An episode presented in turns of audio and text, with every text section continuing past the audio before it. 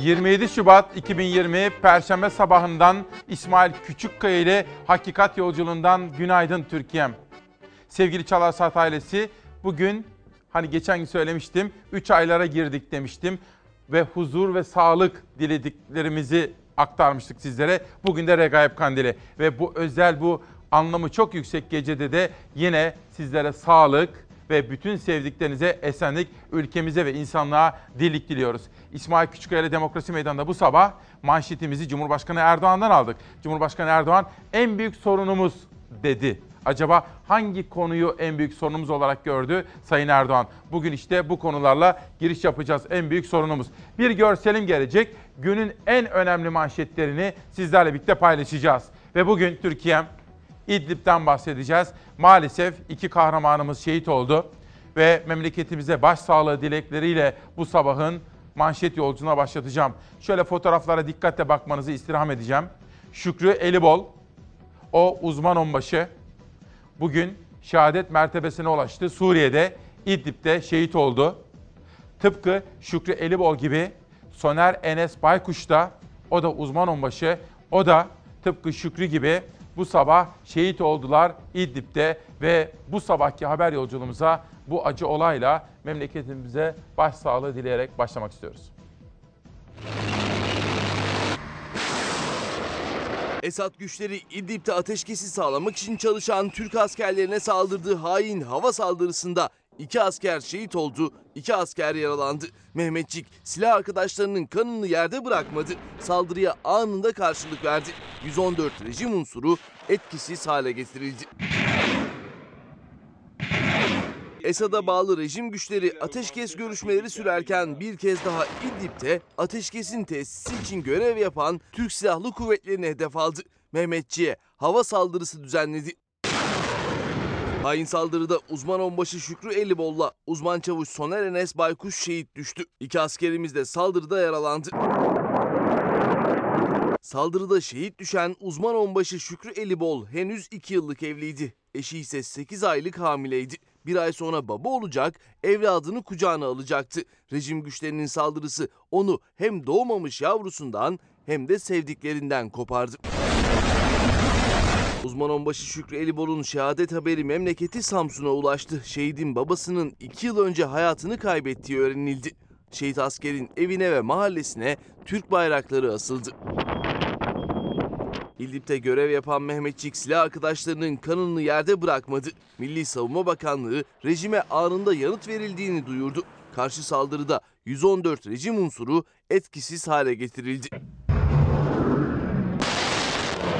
Bakanlıktan yapılan açıklamada rejime verilen karşılıkta bir hava savunma füze sistemi, bir uçak savar, bir tank savar, 3 tank, bir mühimmat aracı, 2 iş makinesinin imha edildiği ve 3 tankın ele geçirildiği öğrenilmiştir ifadelerine yer verildi. 27 Şubat sabahına iki şehidimizin haberiyle başladık. Bunun dışında depremle ilgili çok detaylı gelişmeler Malatya'dan, Malatya'ya geçmişler olsun diyoruz. Elazığ'dan, Manisa'dan, İstanbul ve İzmir'den, Muş'tan ve Van'dan depreme ilişkin haberler de derleyip toparladık. Şehitlerimiz ve İdlib ve bu arada bu sabahki manşetimizi Erdoğan'dan aldık. Cumhurbaşkanı Erdoğan en büyük sorunumuz dedi. En büyük sorunumuz Suriye'de hava sahasını kullanamıyoruz dedi bakın en büyük sorunumuz. Neden biliyor musunuz? Benimki de soru mu canım? Tabii ki biliyorsunuz. Neden? Çünkü Suriye'nin bütün hava savunma sistemi Rusların elinde. Ruslardan izin almadan orada uçak uçurmak imkansız. O nedenle Cumhurbaşkanı bir hal çaresini arıyoruz dedi ama o hal çaresi nasıl olur şu anda bilinebilecek durumda değil. Bir, İdlib ve şehitlerimiz. Bu konudaki en son gelişmeler ve Erdoğan'ın sözleri en önemli manşetimiz. İki, deprem. Türkiye'nin dört bir tarafından depreme ilişkin fotoğraflar, haberler ve alınması gereken tedbirler. Üç, koronavirüs. Bugün sizlere Ankara'dan, Hacettepe'den bu konuyu en iyi bilen isimlerden birini buldum, aradım, davet ettim. Ankara'dan sizler için geliyor. Çoluk çocuk hepimiz koronavirüsü öğrenmemiz gerekiyor. Bu sabah Çalarsat gazetesinde işte o konuyu işleyeceğiz ve Ankara'dan gelen deneyimli uzman konuğumuzla koronavirüste konuşacağız. Demek ki 3 önemli manşetimiz. Şimdi Yönetmenim Serdar'dan günün manşetlerini, gazetelerini huzurlarınıza getirmesini rica ediyorum efendim. Bugün işte böylesine önemli sabahlardan dolu dolu gündemlerden bir tanesi. İlk selamımı hastalarımıza iletmek istiyorum. Şu anda hastane odalarında ameliyata girmek üzere olan çok sevgili hastalarımız var. Çalarsat ailesinden. Onlara daha şimdiden geçmişler olsun diyor ve onların yakınlarını, refakatçilerini, sevdiklerini, eşlerini, dostlarını sevgiyle, saygıyla, sabır dilekleriyle selamlıyorum efendim. Geçelim hürriyete. Öpüşmeyin, el sıkışmayın. Koronavirüs konusunda Osman Müftüoğlu'nun manşeti. Okuyalım. Çin'de ortaya çıkan koronavirüs 42 ülke ve bölgeye yayıldı. Binlerce can aldı. Türkiye'de vakaya rastlanmadı. Türkiye'de vakaya rastlanmadı ama yine de risk var. Profesör Doktor Osman Müftüoğlu en önemlisi öpüşmeyin ve el sıkışmayın diyor. Yani hijyene ilişkin alınması gereken tedbirleri en ön plana almamız gerekiyor efendim. İşte bugün Ankara'dan gelecek Hacettepe'li hocamız bize koronavirüs konusunda tane tane, sakin sakin bütün bilgileri aktaracak efendim. Dolayısıyla birbirimize haber verelim ve bilgi eksikliğimiz var ise bilgi eksikliğimizi bu sabah itibariyle tamamlayalım. Buradan geçelim bir sonraki manşete. Dedim ya bugün İdlib şehitlerimiz, deprem, Türkiye'nin dört bir noktasındaki deprem haberlerini de aktaracağım sizlere. Ve bir başkası gündem maddesi HTS kaydı açıklanınca kel görünecek. FETÖ, FETÖ'nün siyasi ayağı da siyaset dünyasındaki karşılığını bulmakta. Devam ediyor tartışmalar.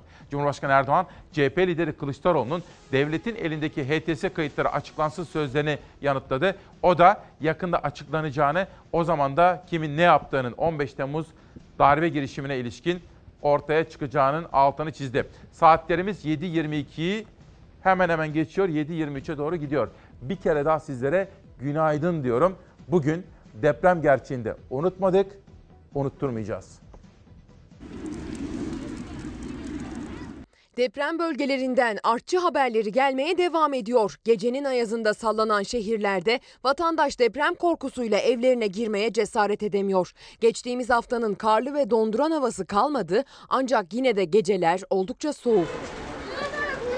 Peş peşe gelen kuvvetli artçı deprem haberleriyle gözler Malatya'ya çevrildi yine. Bir gün önce 4,9, son olarak 4,1 ile sallanan deprem bölgesinde gece saatlerinde hava yaklaşık 0 dereceye kadar düşüyor. Bölgede bugün yağış yok, gün içinde sıcaklık 10 derecenin üzerine çıkacak. Ancak cumadan itibaren hafta sonunda Malatya ve Elazığ çevrelerinde hava yağışlı. Malatya Elazığ civarında hafta sonu sıcaklıklarda da yeniden düşüş bekleniyor. Bölgede etkili olması beklenen yağışlar soğuyan havayla birlikte karla karışık yağmura dönebilir. Elazığ Malatya çevrelerinde şehir merkezlerinde yerde biriken kar eridi. Ancak yükseklerde karlı yamaçlar hala mağdur etmeye devam ediyor. Malatya'da depremzedelere gıda götüren ekip çığ nedeniyle yolda mahsur kaldı. Çığın altında kalmaktan kıl payı kurtulan ekip bir saat süren çalışmanın ardından kurtarıldı. Şu anda yol ulaşıma kapandı. Ölen depremzede sayısının ona yükseldiği Van'da ise parçalı bulutlu bir gökyüzü hakim. Gece saatlerinde hava 0 derecenin de altına düşüyor. Yerdeki kar tam olarak erimiş değil. Bölgede artçı depremler korkutmaya devam ederken kendini gösteren kış güneşiyle çığ tehlikesi de sürüyor. Hafta sonu itibariyle Van çevrelerinde düşen sıcaklıklarla birlikte yeniden kar yağışı görülecek. 27 Şubat'ta en büyük sorunumuz AK Parti lideri ve Cumhurbaşkanı Erdoğan'dan aldık. En büyük sorunumuz Suriye'de hava sahasını kullanamamak dedi. Kullanamıyoruz çünkü Ruslar oradaki hava sahasını kontrol ediyorlar. İşte orada biz tıkandık kaldık. Suriye konusunda, İdlib konusunda acaba neler yaşayacağız ona bakacağım. İkinci günden maddem deprem. Depreme ilişkin mesela sizi Van'a götüreceğim biraz sonra. Bunun dışında koronavirüs, pek çok sayıda haber ve Ankara'dan Hacettepe'den bir hoca davet ettim. Sağ olsun sizler için Ankara'dan atladı geldi. Biraz sonra konuğum olacak kendisi. Hürriyeti tamamlıyor ve karara geçiyorum. Her şeyi göze aldık diyor Cumhurbaşkanı Erdoğan. Son 72 saat mesajı. Suriye'de Suriye'de bir yandan Esad'ın kanlı ilerleyişini destekleyip bir yandan masa kurma çabalarını öteleyen Moskova'ya Ankara'dan son uyarı geldi.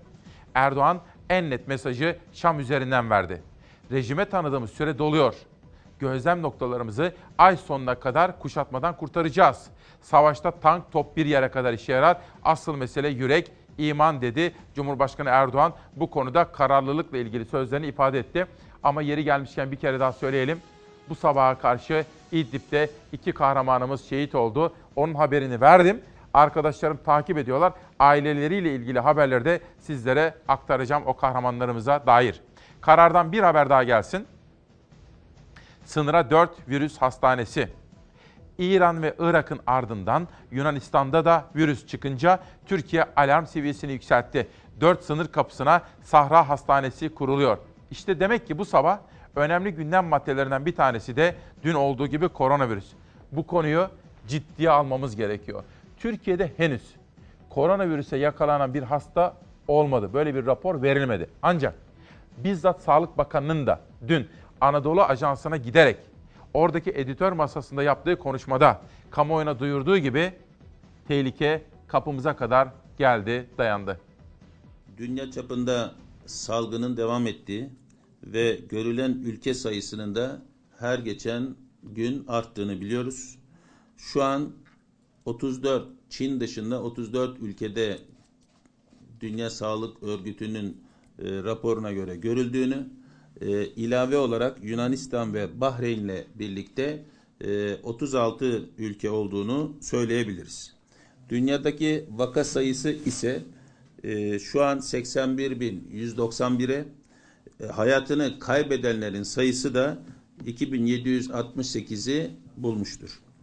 Çin'dir, Çin'den bildirilen günlük vaka sayısında giderek bir azalma eğilimi görülse de diğer ülkelerden bildirilen vaka sayılarındaki artış eğilimi devam etmektedir. Yani Çin'de daha önce her gün bin ve üzeri vaka sayısı ilave oluyor iken son dönem 400-500'lere kadar indi ve Çin'deki bu eğriyle bu pikin tamamlandığını, stabil kaldığını ve artış hızının düştüğünü görüyoruz.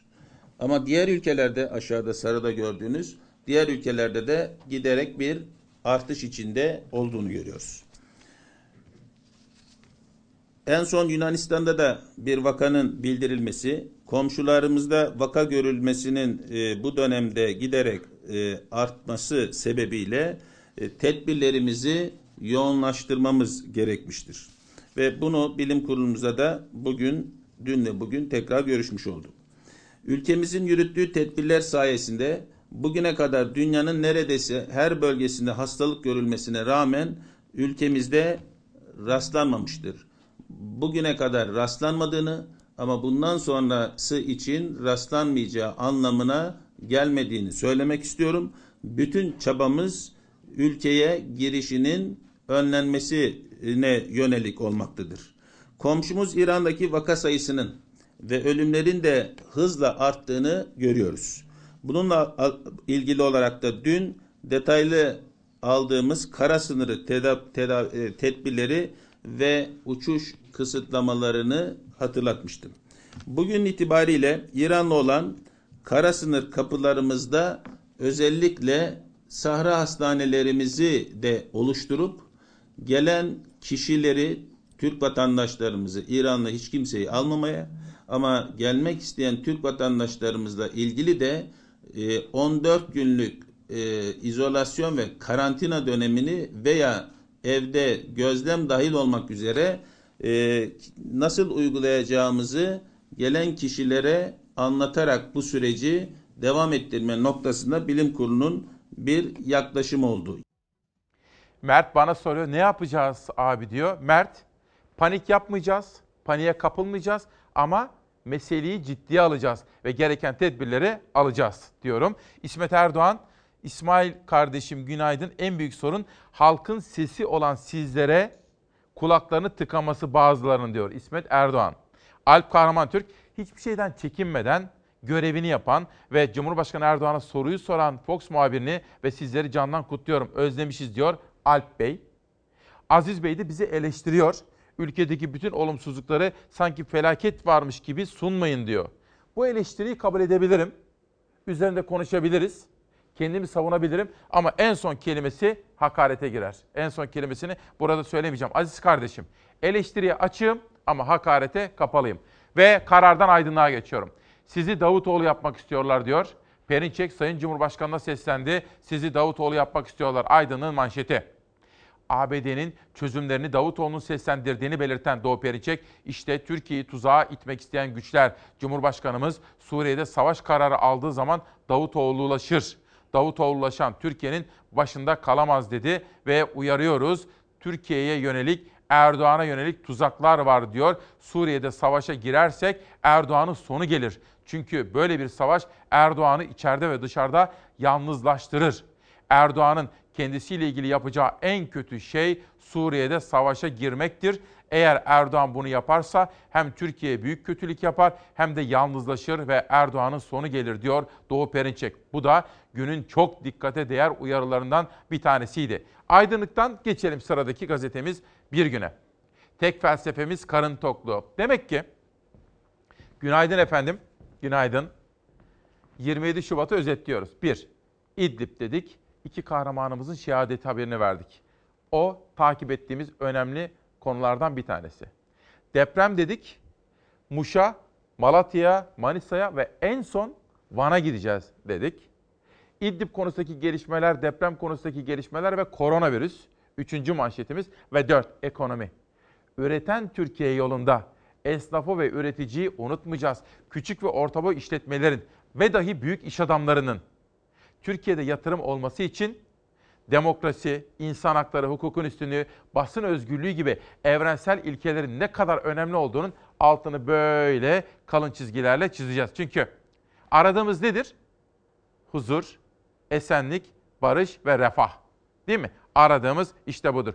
Ve bugün Regaib Kandili bu mübarek aylarda, 3 aylardayız. Sizlere de bu güzel dilekleri sunmak istiyorum. Ekonomi önemli gündem maddelerinden birisi. Ipsos'un araştırması krizin tüketimi nasıl etkilediğini gösteriyor. Tek felsefemiz karın tokluğu. Yurttaş artık yemeğin yanında içecek tüketmiyor. Makarnaya yükleniyor. İndirim marketlerinden çıkmıyor. En önemli sorun ekonomi diyor. Hükümetin reddettiği kriz tüketim alışkanlıklarında kendini en net şekilde belli ediyor. Bakın orada bir liste var. Şöyle göstereyim sizlere. Bu listeye şöyle bir bakın. Çünkü hayat gerçekten pahalı. Alım miktarı en çok artan ve en çok azalan ürünler. En çok artan ürünler. Şimdi tabii hayat pahalı hale gelince biz en çok un ve şekere yüklenmişiz. Bakliyata, yumurta, salça, makarna, sabun ve bulyon. En çok azalan ürünler kolonya, parfüm, kağıt ürünleri, içki, meyve suyu, dondurma, cilt bakım ürünleri ve hazır çorba diyor efendim. Sizler de aslında hani az evvel bir vatandaşım bana gerçekleri söylüyorsunuz diye teşekkür ederken bir başkası da felaket tellallığı yapmayın diyordu Aziz Bey. Biz size söylüyoruz. İktidar bir tablo sunuyor. Ben onu sizlere aktarıyorum. Muhalefet bir başka tablo sunuyor. Ben tarafsızlığım gereği onu da sizlere aktarıyorum. Ben kendi görüşümü de, ben de halkın, vatandaşım ve gazeteciyim. Onu da sizlere aktarıyorum. Ama ne diyorum sizlere? Kararı siz vereceksiniz.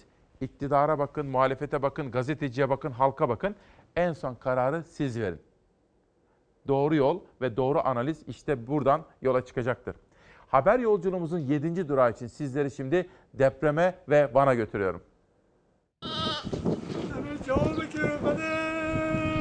Mutlumuzla bu fotoğraflar sadece kalmış. Evler yıkılmış. Okul defterinden kopardığı sayfaya iyi ki doğdun canım annem yazan küçük çocuk. Onun hayalleri de enkaz altında kaldı. Kamuran Arslan'ın gönlü, mutlu günlere ait fotoğrafları yıkılan evlerinin duvarından almaya el vermedi. Yaralar sarılmaya çalışılırken bir acı haber daha geldi. İran depreminin vurduğu Van'da hayatını kaybedenlerin sayısı ona yükseldi.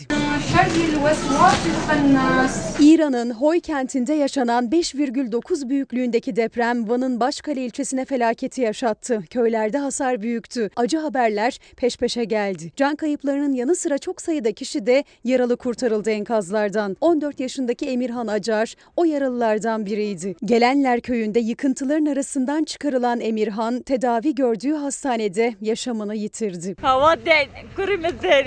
10 kişinin can verdiği Van Van depremi sonrası Başkale'nin köylerinde yaraları sarma seferberliği başlatıldı. Depremzedeler için çadır kent ve sahra hastanesi kuruldu. Şu ana dek 40 bin kişilik yemek dağıtıldı. Biz çadırda yaş- yaşıyoruz. E, okulun yanına gelmişiz. Asker ablamız da bize oyuncak getirdi. Çok heyecanlı şimdi. Sürekli tansiyon yüksekliği. Sürekli tansiyonu Ee, yüksek. Şimdi biraz dinlen. Ben sana tansiyonuna bakacağız. Ona göre gerekli tedavini vereceğiz tamam mı? Depremde 3329 küçükbaş hayvan telef oldu. Kısa bir süre önce doğan kuzular annesiz kaldı. Devlet bölgeye hayvanların barınması için 829 çadır gönderdi. Hayvanlarımız telef olmuş. Biz büyük çadır istiyoruz hayvan barınağı için. Perişanız. Şu anda perişan. Koyunlarımızın telef oldu. Kuzularımız elinde, elimizde kaldı. Onlar da ölecekler. Onlar da belki de kalmayacaklar. Devletten bir yardım istiyoruz. Depremde dört çocuğuyla eşini kaybeden Nebahat Fırat'ın acı hikayesi de yürekleri burktu. Ailenin aslında 8 çocuk sahibi olduğu maddi imkansızlıklar nedeniyle dört kızlarını İstanbul'daki bir yetiştirme yurduna verdiği öğrenildi. Onlara çok özlemişim. Ben çocuklarımı çok özlemişim. Biz de kaybettiği çocuklarından bir tanesi 8 aylık daha. Geri getiremem. Yani bunları hiç ne verirsen ver geri getiremezsin ama en azından o dört çocuğu verse biraz içi rahatlar kadının. İki yıldır zaten göremiyor. Acılı anne yeniden hayata tutunabilmek için kızlarına kavuşacağı günü bekliyor. Deprem bölgelerinde hiç unutmuyoruz ve en önemli haber gündem maddelerimizden bir tanesi her zaman Elazığ, Malatya, Adıyaman, Manisa, İzmir, İstanbul, Muş ve Van'daki deprem. Onlarla birlikte o kardeşlerimizle dayanışma içerisinde olacağız. Bu arada bu zeytini soruyorsunuz bana. Özel ve güzel bir hikayesi var. Zeytin ağacını ne kadar sevdiğimi bilirsiniz. Zeytine ne kadar önem verdiğimi bir Egeli olarak aslında bir Anadolulu olarak ama bunun hikayesi çok güzel. Sizlere biraz sonra anlatacağım efendim. Bir günden bir haber daha gelsin. Tedavi gördüğü hastanede yaşamını yitiren Sol Yayınları'nın kurucusu Muzaffer İlhan Erdost. Karşıyaka mezarlığında gerçekleştirilen törenin ardından toprağa verildi. Cenazeye Erdost'un ailesi, dostları ve sevenlerin yanı sıra çok sayıda siyasetçi de katıldı. Erdost'u bir güne anlatan şair Şükrü Erbaş, bizim gencecik kalbimizde sosyalist düşüncenin, özgürlük bilincinin, devrimci bir kültür ve sanat pratiğinin oluşmasında en büyük payı olan ağabeyim diye konuştu. Ve işte Türk kültür ve düşün hayatının en özel isimlerinden, en dikkate değer isimlerinden biri olan Muzaffer İlhan Erdoğan son yolculuğuna yollandı. Bu arada Soner Yalçın da bugün vefa gösterisinde bulunmuş. Vefasını yazdığı yazıda ağabeyim öğretmenim diyerek Erdoğan'ı son yolculuğuna uğurlarken göstermiş Sözcü Gazetesi yazarı Soner Yalçın. Geçelim Sabah gazetesine. Sabah gazetesinin manşetinde bakalım ne var? Eli kanlılarla ittifak yapmak ihanettir. Başkan Erdoğan'dan CHP lideri Kılıçdaroğlu'na sert eleştiri diyor Sabah gazetesi. Bay Kemal zihnini emperyalistlere gönüllü olarak satmış bir kişi diyor. Biraz sonra çok detaylı olarak Erdoğan'la Kılıçdaroğlu arasındaki sert söz polemiğini sizlerin huzurlarınıza getireceğim. Sabah gazetesinden bir haber daha seçtim. O da gelsin. Rejime tanıdığımız süre doluyor. Başkan Erdoğan Azerbaycan dönüşü uçakta İdlib'le ilgili şunları söyledi. Rejim unsurlarına ay sonuna kadar verdiğimiz süre tamamıyla bizim gözlem noktaları ile ilgili. Güneye çekilmelerini söyledik. Kulelerimize yönelik kuşatmaya müsaade edemeyiz. Soçi mutabakatının gereğini istiyoruz. Bundan taviz vermemiz söz konusu değil. Azerbaycan'a gitti geldi biliyorsunuz Sayın Erdoğan ve kendisine Sabah gazetesi adına Hilal Kaplan eşlik etmiş ve o da Erdoğan'ın sözlerine böylece haberleştirmiş. Demek ki bugün İdlib'den bahsedeceğiz, kahraman şehitlerimizden bahsedeceğiz. En son tıkanıp kaldığımız nokta var. Amerika ile Rusya arasında Suriye'de. Bu önemli gündem maddelerinden birisi. İki, koronavirüs. Ankara'dan Hacettepe'den çok değerli bir bilim insanı sizler adına davet ettim. Koronavirüsü öğrenmek zorundayız. Hem biz hem de çoluğumuz, çocuğumuz, torunlarımız için. 3. Deprem ve alınması gereken tedbirler. O da bizim önemli gündem maddelerimizden biri. 4. Üretici Türkiye, besiciler, küçük ve orta işletmeler ve iş adamları. Büyük Türkiye için yapılması gerekenler, demokrasi, insan hakları, özgürlükler, basının özgür olabilmesi, hukukun üstünlüğü gibi evrensel kavramları da ihmal etmedik. 5. Kültür, sanat bu konudaki haberleri de yine sizlerle buluşturacağız. İşte onlardan birincisi bir sergi haberi.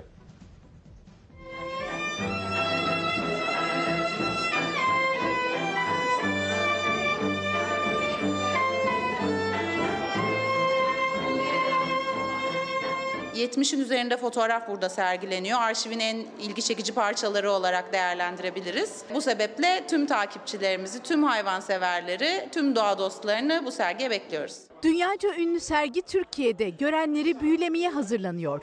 Birçok ülkeden 40 milyonun üzerinde ziyaretçiyle buluşan National Geographic sergilerinden Foto Ark İstanbul'a geldi. Fotoğrafçı Joe Sartore'nin birçok farklı türden hayvanı fotoğrafladığı nefes kesen sergisi biyoçeşitliliğinde arşivi olma niteliği taşıyor. Bugüne kadar dergilerimiz, kitaplarımız ve belgesellerimizle sosyal sorumluluk bilinci yaratmaya çalıştığımız takipçilerimize bu kez de nesli tükenmekte olan hayvanlar hakkında bir bilinç oluşturacak Foto Ark isimli bir sergimiz var. Fotoğrafçı ve kaşif Joe Sartore'nin rotasında bu kez vahşi doğa vardı. Dünya üzerinde yaşayan, nesli tükenmekte olan 9000'den fazla türü fotoğrafladı. Fotoğrafları en özel kılansa vahşi türlerin vahşi yaşam koruma alanlarında ve stüdyo kalitesinde çekilmiş olması. Bilinç uyandırması açısından da çok önemli. Çünkü insanlar bu canlıları yakından görüp gözlerinin içine bakınca yani soyut değil somut ve hayatları tehlikede bireyler olduklarını görüyorlar. National Geography Türkiye ve ünlü teknoloji şirketinin işbirliğiyle hazırlandı sergi. Çocuklarımızın da gelip ziyaret etmesini özellikle tavsiye ediyorum. Bütün tabloları incelemek gerekiyor ve belki de bu tabloların bazılarında teknoloji detayını da yakalamakta fayda var. Doğa ve fotoğraf tutkunlarını, yaşamı keşfetmek isteyen çocukları cezbedecek sergi. 15 Nisan'a kadar Beşiktaş Akaretler'de ücretsiz ziyaret edilebilecek. Arşiv niteliğinde olmuş. Sartore'nin çok e, başarılı bir çalışması.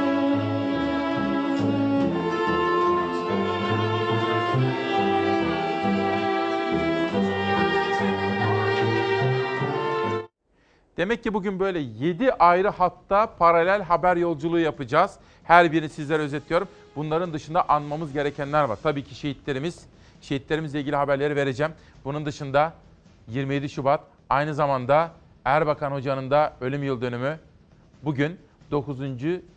seneyi devriyesi. Tam 9 yıl önce bugün kaybettik Erbakan Hoca'yı. Onu da bugün anacağız. Erbakan Hoca özel bir dosya hazırladık sizlere. Ayrıca dün akşam Vehbi Koç'un ödül töreni vardı. Acaba Türkiye'nin en prestijli ödüllerinden birisi olan Vehbi Koç özel ödülü kime gitti? Onun da haberini yine burada bulacaksınız efendim. Hülya İnanç. Hani bu sabah sizlere söyledim ya. En büyük sorunumuz anneler. İsmail'im annelerin dayanacak gücü kalmadı. İçimdeki kelimeler. Sussam acıtır, konuşsam Silivri diyor bakın Hülya İnanç. İki arada bir derede kalma durumunu kendince anne, anlatıyor anne gözüyle. Sabahtan iki manşet sundum. Üçüncüsü de gelsin. Virüse karşı 4 S reçetesi. Sabah merak edilen tüm sorular için uzmanlardan görüş aldı. İşte ölümcül koronavirüsten korunma rehberi. Gül Kreklo'nun yazısı. 1. Pardon bunu Profesör Murat Kartal'ın virüste var 4S formülü diye yazmışlar. Soğan, sarımsak, sirke, sabun. Soğan ve sarımsak virüs öldürücü. Çok ve çiğ tüketin. Salataya, cacığa, çorbaya bol bol koyun. Soğan ve sarımsak. Sirkenin antibakteriyel ve dezenfektan etkisi var. Sirkeyi kullanın diyor. Ve ayrıca günde 20 kez ellerinizi en az 20 saniye sabunlu suyla yıkayın. Ada çayı demleyip gargara yapın. Nar tüketin diyor efendim. Bugün Ankara'dan gelecek konuğumla bu ve benzeri bütün önerilerde konuşma imkanı bulacağım. Sabahtan 3 manşet tamam geçelim Cumhuriyet Gazetesi'ne. Parsel parsel suç duyurusu. Mansur Yavaş'tan Cumhuriyet'in duyurduğu Gökçek FETÖ dosyası için adım. Mansur Yavaş yönetimindeki Ankara Büyükşehir Belediyesi eski başkan Melik Gökçek'in de aralarında olduğu 7 kişi hakkında FETÖ'ye yardım iddiasıyla suç duyurusunda bulundu. Dilekçede kamuya ait taşınmazın hukuka aykırı olarak FETÖ mensuplarına tahsis edildiği belirtildi. Suç duyurusunda ayrıca FETÖ'cü yöneticilerden oluşan kooperatiflere imar değişiklikleri neticesinde haksız menfaat ve kazanç sağlandığı ve FETÖ'ye finansman yaratıldığı ifade edildi. FETÖ'ye sağlanan rant dosyalarının incelendiği ve suç duyurularının süreceği öğrenildi diyor. Biliyorsunuz Mansur Yavaş bu konuda sözler vermişti ve Melik Gökçek dönemini mercek altına aldırmıştı. Müfettişler inceliyorlardı. Bütün bu incelemelerden sonra işte ilk suç duyurusu gelmiş Cumhuriyet Gazetesi'nin haberinden öğreniyoruz. Bir haber daha isteyelim Cumhuriyet'ten. İdlib kördüğümü. Erdoğan süre doluyor derken saha ve masada taraflar taviz vermiyor. Türk ve Rus heyetleri İdlib'de ateşkesin sağlanması için üçüncü kez Ankara'da bir araya geldi. Erdoğan'ın gözetleme kulelerimizi kuşatanlara verdiğimiz süre doluyor demesine karşın Suriye ordusu Kafranbel kentinin de aralarında olduğu 19 yerleşimi geri aldı. Dörtlü zirvenin olmayabileceğinin işaretini veren Erdoğan, Putin'le görüşebileceğini ve hava sahası için çözüm bulunacağını söyledi. AB ülkeleri Şam ve Rusya'ya saldırıları durdurun çağrısı yaptı. ABD Dışişleri Bakanı Pompeo, Türkiye ile ortak hareket ediyoruz dedi. Aslında haberimizde de izleyeceksiniz. Sizler de biraz sorgulayıcı zihin yapısıyla lütfen bakınız, dikkatle takip ediniz. Esasında bizim Suriye'deki pozisyonumuz çok fena halde tıkanma. Biz hani ne derler iki arada bir derede. Biz bir taraftan Rusya, bir taraftan Avrupa, bir taraftan Amerika, bir taraftan Esad. Biz orada fena halde sıkışmış durumdayız. Gözetleme kulelerimizi kuşatma altına alanlara verdiğimiz süre doluyor. Gözlem kulelerimizi kuşatmalardan öyle veya böyle bu ay sonuna kadar kurtarmanın planlaması içindeyiz. Cumhurbaşkanı Erdoğan Suriye'ye verilen sürenin dolduğunu hatırlattı. Bir kez daha Şubat ayının sonunu işaret etti. Geri adım yok dedi. Ankara'da Türk ve Rus heyetler İdlib başlığıyla bir araya geldi. İdlib'de en küçük bir geri adım atmayacak, rejimi mutlaka belirlediğimiz sınırların dışına çıkartacak, halkın evlerine dönüşünü sağlayacağız. Türkiye olarak bu konuda kararlıyız ve her türlü fedakarlığı göze alıyoruz. Türkiye'nin Esad'a Soçi mutabakatı sınırları yani Türk gözlem noktalarının gerisine çekilmesi için verdiği süre iki gün sonra doluyor. Rejim güçlerinin çekilme yönünde bir hamlesi yok. Aksine Rusya'nın verdiği hava desteğiyle ilerlemeye devam ediyorlar. Son bombardımanlarda 12'si çocuk, 31 sivil hayatını kaybetti. Yaralı sayısı yüzün üzerine çıktı.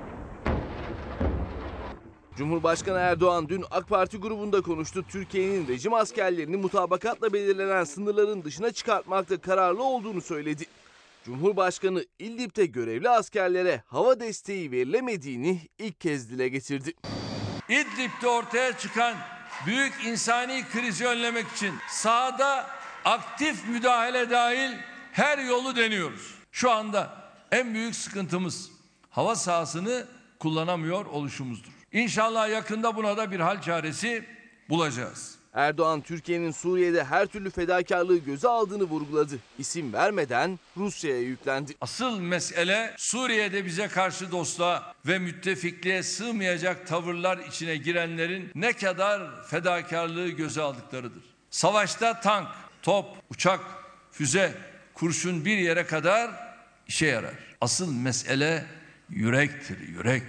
Cumhurbaşkanı Erdoğan kimilerinin Türkiye'yi köşeye sıkıştırarak istediklerini kabul ettirebileceğini sandığını söyledi. Bölgenin dinamiklerini hatırlattı. Biz misafir değil, ev sahibiyiz dedi. Sözleri Moskova'ya mesaj gibiydi. Bu coğrafya kendini büyük gören nicelerini daha ne olduğunu bile anlamadan bir anafor gibi savurup yutmuştur bu bilinmeli. Erdoğan Suriye'nin ardından hedefte Türkiye'nin olduğunu belirtti. Biliyoruz ki bugün Suriye ile olan 911 kilometrelik sınırımızın ötesinde verdiğimiz her mücadeleyi yarın kendi topraklarımızda bugünkünden 10 kat, 100 kat büyük kayıplarla yürütmek zorunda kalacağız. Cumhurbaşkanı Erdoğan Azerbaycan dönüşünde ise uçakta gazetecilerin sorularını yanıtladı. Washington'ın İdlib'de destek sözünü tutmadığını anlattı. Trump'la görüşme sinyali verdi. Amerika'nın bir destek sözü Trump'la görüştüğümde vardı ama henüz destek söz konusu değil. Görünen bir daha görüşmemiz gerekecek. Erdoğan Amerika'dan Patriot hava savunma sistemi alımıyla ilgili konuştu. Şu an Amerika'nın bize vereceği Patriot yok dedi. Biz teklifimizi yaptık. Eğer bize gönderecekseniz biz sizden de Patriot alabiliriz dedik. Ama şu anda benim aldığım istihbarat ise verebilecekleri bir Patriot yok. Ellerinde böyle bir şey yok. Ankara'da dün İdlib'in geleceği konusunda kritik öneme sahip bir toplantı vardı. Türk ve Rus heyetleri Dışişleri Bakanlığı'nda bir araya geldi. Görüşmelerden henüz bir sonuç çıkmadı. İki tarafın görüşmelere bugün kaldığı yerden devam etmesi kararlaştırıldı. Bu sabah İsmail Küçükkaya Demokrasi Meydanı'nda 27 Şubat'ta en büyük sorunumuz dedik. Cumhurbaşkanı Erdoğan'ın sözlerinden aldık. Suriye'de en büyük sorunumuz hava sahasını kullanamamak. Neden? Siz söyleyin. Tabii Putin izin vermez çünkü. Özgür Bey diyor ki abi diyor Türk Eğitim Vakfı Kız Çocukları kampanyasında en son durum nedir? Ben de 50 lira bağışta bulundum diyor. Özgür kardeşim 10 lira, 20 lira, 50 lira, 100 lira veya Adana'daki Bilici ailesi gibi 10 bin liraya veya Sevgi Turanlı gibi 1500 lira veya Murat Boz gibi 60 bin lira, Güngör Sipahi gibi 6 bin lira her biri o kadar değerli ki rekor kırdık. Türk Eğitim Vakfı Mustafa Koç Burs Fonu için 170 bin liraya geçtik. Ve bir müjdem var. Biz ne kadar bağış toplarsak o kadar da Karolin Koç ek yapacak ona. Yani şu anda bile 350 bin lirayı aştık 400 bine doğru gidiyoruz. Kız çocuklarımız okusun diye. Bu soruyu kim sordu? Özgür kardeşim çok teşekkür ediyorum. Bağışladığın 50 lira için de kalpten teşekkür ediyorum. Geçelim Pencere gazetesine. Siyasi ayakta yeni rota HTS kayıtları ve konsey. Serdar pardon pardon bir dakika. Affedersin. Bir bilgi vermem gerekiyor. HTS dedikleri telefon görüşme trafiği. İçeriği yok. Kim kimle konuşmuş o var. Mesela 15 Temmuz hain FETÖ kalkışmasında HTS dedikleri. Mesela benim cep telefonuma bakacaklar. Ben 15 Temmuz'da neredeydim o hain kalkışma gecesinde? Kimle görüşmüşüm? Kaç dakika görüşmüşüm? Baz istasyona bakacaklar. Neredeydim ben? Öyle mi Serdar? Tamam. Serdar diyor ki onun haberi var verelim mi diyor. Bir dakika. Şuradan okuyayım. Hazır tutun Serdar oraya gidelim. İyi hatırlattın bana. HTS dedikleri bu. İçeriğin kendisi yok ama o gün kim kiminle ne kadar görüşmüş bu var. Siyasette FETÖ'nün siyasi ayağı bağlamında bu konuşuluyor. İşte konuşalım. Pencere gazetesi Yavuz Ohan ve arkadaşlarının çıkarttıkları bir gazete. Manşeti okuyorum. Cumhurbaşkanı Erdoğan FETÖ'nün siyasi ayağı tartışmasında Kılıçdaroğlu'na HTS kayıtları çıkışıyla yüklendi. Erdoğan, İçişleri Bakanı Soylu'nun 17-25 Aralık öncesinde Kılıçdaroğlu bunlarla ne konuştu? Yurtta sulh konseyi tanımı nereden çıktı sözlerine atıf yapar gibi HTS kayıtlarının zamanlaması çok önemli. Açıklandığı anda kel görünecek dedi. Sözü Yurtta Sulh Konseyi'ne getirdi. Ben de doğrusu çok merak ediyorum. Bence de devletimiz 15 Temmuz hain kalkışma gecesinde kim kiminle ne kadar görüştü? Neredeydi? Başta devlet yetkilileri, bakanlar, milletvekilleri, polisler, savcılar, gazeteciler herkesi öğrenirsek aslında 15 Temmuz'un ne olduğu bence çok daha iyi ortaya çıkabilir. Bütün genel başkanlar, milletvekilleri, bakanlar o gece neredeydi? HTS kayıtlarını getirin. HTS kayıtlarının zamanlamaları çok önemli. Açıklandığı anda zaten kel görünecektir. FETÖ'nün siyasi ayağının ortaya çıkmasında hayati olarak görüyor muhalefet. 15 Temmuz gecesine ilişkin HTS yani telefon görüşme kayıtlarının açıklanmasını. Cumhurbaşkanı Erdoğan zamanı gelince diyerek dikkat çekici bir çıkış yaptı. Bunun için biraz sabırlı olmamız gerekiyor. Şu anda bazı şeyler açıklanmıyor diye her taraf süt limandır zannedilmesin. Yurtta Sulh Konseyi'ni incelerseniz onun askeri kanadının dışındaki sivil unsurların kimler olduğunu merak ediyorsanız siyasi ayağı da bulmuş olursunuz. MHP lideri Bahçeli de FETÖ'nün siyasi ayağını gündeme getirirken Kılıçdaroğlu'yla aynı noktayı işaret ediyor. Sözde yurtta sulh konseyinin sivil kanadının ortaya çıkarılmasına. CHP lideri ısrarla siyasilerin o gece ait telefon görüşme kayıtlarının da açıklanmasını istiyor. Bildikleri bir şey var, korktukları bir şey var. HTS kayıtlarını getirmiyorlar. HTS kayıtlarının darbe gecesi görüntüleri ve görüşmelerinin yargının elinde olduğunu bildikleri halde sırf kafa karıştırmak için bunları dile getirenler de bizzat işin parçasıdır. Cumhurbaşkanı kayıtlar yargıda demişti. Azerbaycan dönüşü uçakta HTS kayıtları ortaya döküldüğünde farklı bir hava esecek diyerek imalı bir açıklama yaptı. Konseyin şu an içinde olup dedikoduları yapılanlarla alakalı bu kayıtlar ortaya döküldüğünde çok daha farklı bir hava eser ve esecektir. Açıklandığı anda zaten artık kel görünecektir. 15 Temmuz darbe girişiminde başarılı olsalardı kimler yönetimde olacaktı? Bunun listesi FETÖ'nün siyasi ayağında, liderinde yani Erdoğan'da. Kılıçdaroğlu ısrarla sözde Yurtta Sulh Konseyi'nin sivil listesinin Cumhurbaşkanı'nda olduğunu söylüyor. Erdoğan'ın HTS kayıtları ile ilgili biraz sabırlı olun çağrısı sonrası gözler yeniden muhalefete çevrildi. Evet Serra bir kızımız da ben de harçlığımdan 100 lira bağışlayacağım İsmail abi diyor. TEV kampanyası için diyor. Bir aşçıbaşımız Mehmet Kaya o da Karslı. Ona da teşekkür ediyorum. Güzel duyguları ve katılım için. Sabiha Ulutürk de iyi dileklerini sunmuş. Bugün Regaib Kandili efendim. Onu bir kere daha söyleyip sizlere en içten dileklerimle sevgi ve saygılarımı sunuyorum. Evvela şu anda hastane odalarında ameliyata girecek hastalarımız var. Onlara içtenlikle geçmiş olsun dileklerinde bulunmak istiyorum. Selim Bey diyor ki İsmail Bey ne güzel haberlerin dışında kültür sanattan da bahsediyorsunuz. Sporlardan da bahsedin biraz. Mesela motor sporlardan, ralliden de bahsedin diyor. Selim Bey'e de çok teşekkür ediyorum. İyi aklımıza getirdiniz. Bunu da yapalım. Serkan Bey'i ararım. Marmaris'te vardı ya Serkan Yazıcı. Bir kere gelmişti yayınımıza ta 3-4 sene evvel anlatmıştı. Türkiye'nin uluslararası alanda tanıtımı için bu eşsiz güzelliklerimizde rallilerden bahsediyordu Serkan Yazıcı. Yayından sonra arayalım. Selim Bey'e de bunu hatırlattığı için teşekkür edelim. Bir başka önemli manşet gelsin pencereden. 28 Şubat form değiştirdi. Bir saniye.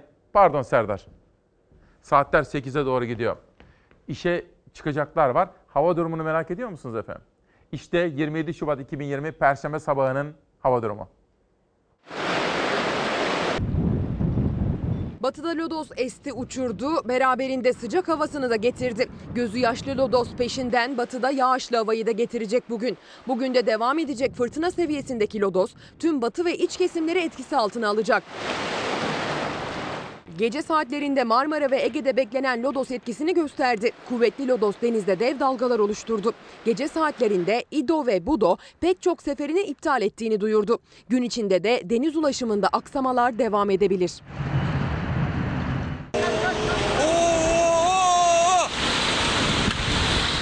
Gümüşhane'den gelen heyelan görüntüleri ise korkutmuştu. Heyelandan önce düşen kaya parçalarını gören servis şoförünün facianın önüne geçtiği ortaya çıktı. Gündüzlü öğrencim. Onları almak için okulun kapısına geldiğimde buradan tek buçuk taş geldiğini gördüm. Kürtün ilçesinde yaşanan heyelandan sonra hemen yakınındaki Üçtaş Ortaokulu'nda tedbiren bir günlük tatil ilan edilmişti. Bugünse yurdun batı ve iç kesimleriyle Karadeniz'de kuvvetli fırtına devam edecek. Lodos fırtınası Ege Marmara ile Akdeniz ve Karadeniz bölgelerinin batısında etkili olacak. Çatı pano uçmalarına, ağaç devrilmelerine dikkat edilmeli. Bugün Marmara, Ege, Batı Karadeniz ile Akdeniz bölgesinde hava yağışlı. Ege'de kuvvetli sağanak geçişleri görülebilir. İç kesimlerde ise yağmur hafif. Yurdun kalan kesimlerinde ise gökyüzü parçalı ve çok bulutlu. Cuma günü ise Lodos neredeyse tamamen etkisini yitirecek. Yalnızca Doğu Karadeniz çevrelerinde kuvvetli rüzgar bekleniyor. Lodos'un havayı ısıtan etkisi batı bölgeleri terk edince Cuma günü hava birden soğuyacak. Batı bölgelerde Perşembeden Cuma'ya hava yaklaşık 5 ila 7 derece birden soğuyor. Hafta sonunda ise soğuk havanın etkisi iç ve doğu kesimleri de etkisi altına alıyor. Hafta sonunda iç ve doğuda beklenen yağışlar soğuk havanın etkisiyle karla karışık yağmur ve kara dönüşecek. 27 Şubat'ın öyküsü böyle. Deprem bölgesine de götüreceğim şimdi sizlere. Ama bu haberde dikkatimi çekti pencerede. 28 Şubat form değiştirdi. Saadet Partisi lideri Temel Karamollaoğlu, AK Parti iktidarının Türkiye'yi getirdiği nokta maalesef 28 Şubat'ın form değiştirmiş halidir. Yani şekil değiştirmiş halidir. Türkiye'nin bugün demokrasisi de, ekonomisi de, adaleti de, medyası da 28 Şubat'ı hatırlatır hale gelmiştir dedi. Saadet lideri Temel Karamollaoğlu 28 Şubat askeri müdahalesinin yıl dönemi nedeniyle yaptığı açıklamada 28 Şubat'ın bir ürünü olan AK Parti iktidarının Türkiye'yi getirdiği nokta maalesef 28 Şubat'ın form değiştirmiş halidir dedi. Karamollaoğlu Türkiye'nin demokrasisinin de ekonomisinin de adalet sisteminin de medyasının da 28 Şubat'ı hatırlatır hale geldiğini söyledi diyor efendim. Saatler 8'de 1 dakika var. Bursa'dan sıcacık bir haberle devam edeceğim. Aklıma şimdi bu haberi okurken ne geldi biliyor musun? Bundan bir ay kadar evvel AK Partili önemli bir isimle oturduk. Bana biz nerede hata yapıyoruz diye sordu. Ben de dilim döndüğü kadar 17 yılın analizini yaptım ona. Şimdi Saadet Parti liderinin bu sözlerinden sonra o önemli yetkiliye söylediğim bir cümle aklıma geldi. Haberi izleyelim. Bursa'daki Kafkas dansını. Dönüşte size o bir cümleyi 30 saniyede özetlemeye çalışacağım.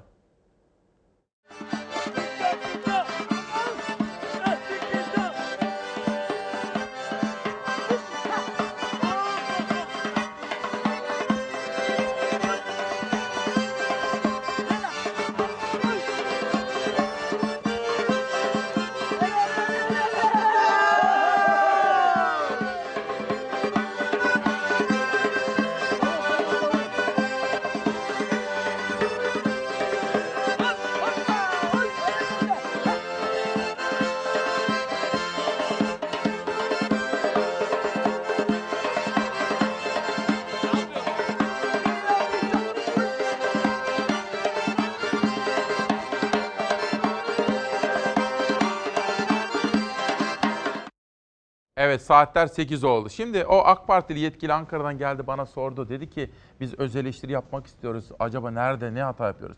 Dedim ki sadece şu kadar özetleyeyim. Bir gazeteci olarak izlediğim kadarıyla siz şimdi Türkiye'yi 3 Kasım 2002'de aldınız. Bakın buradan. Şöyle gelin arkadaşlar elimi görelim. Heh. Siz 3 Kasım'da Türkiye'yi buradan aldınız. İşte önceki dönemin işte DSP, ANAP, MHP iktidar döneminin başlattığı devrimler vardı. Hareketler, reformlar. Onları harfiyen uyguladınız. Avrupa Birliği rüzgarı estirdiniz. Normalleşme dediniz, sivilleşme dediniz, demokratikleşme dediniz. Tamam. Türkiye aldınız böyle getirdiniz. Fakat dedim bir yerde bir şey oldu. Önce patinaj yapmaya başladınız araba gibi. Durduğumuz yerde durduk. Orta gelir tuzağı, orta demokrasi tuzağı. Yani ileriye çıkamadık. Hatta sonra dedim siz şimdi geriye geriye gitmeye başladınız. Size dedim acı bir şey söyleyeyim mi? Siz Türkiye'yi getirdiğiniz, bizzat getirdiğiniz bu noktadan geriye doğru getirirken aldığınız noktanın bile gerisine getiriyorsunuz belli konularda dedim. İster inanın, ister kızın. Ama madem ki geldiniz Ankara'lardan beni dinlemek üzere, belki bunu Sayın Cumhurbaşkanımıza da söyleyeceksiniz. Benim samimi kanaatim budur dedim.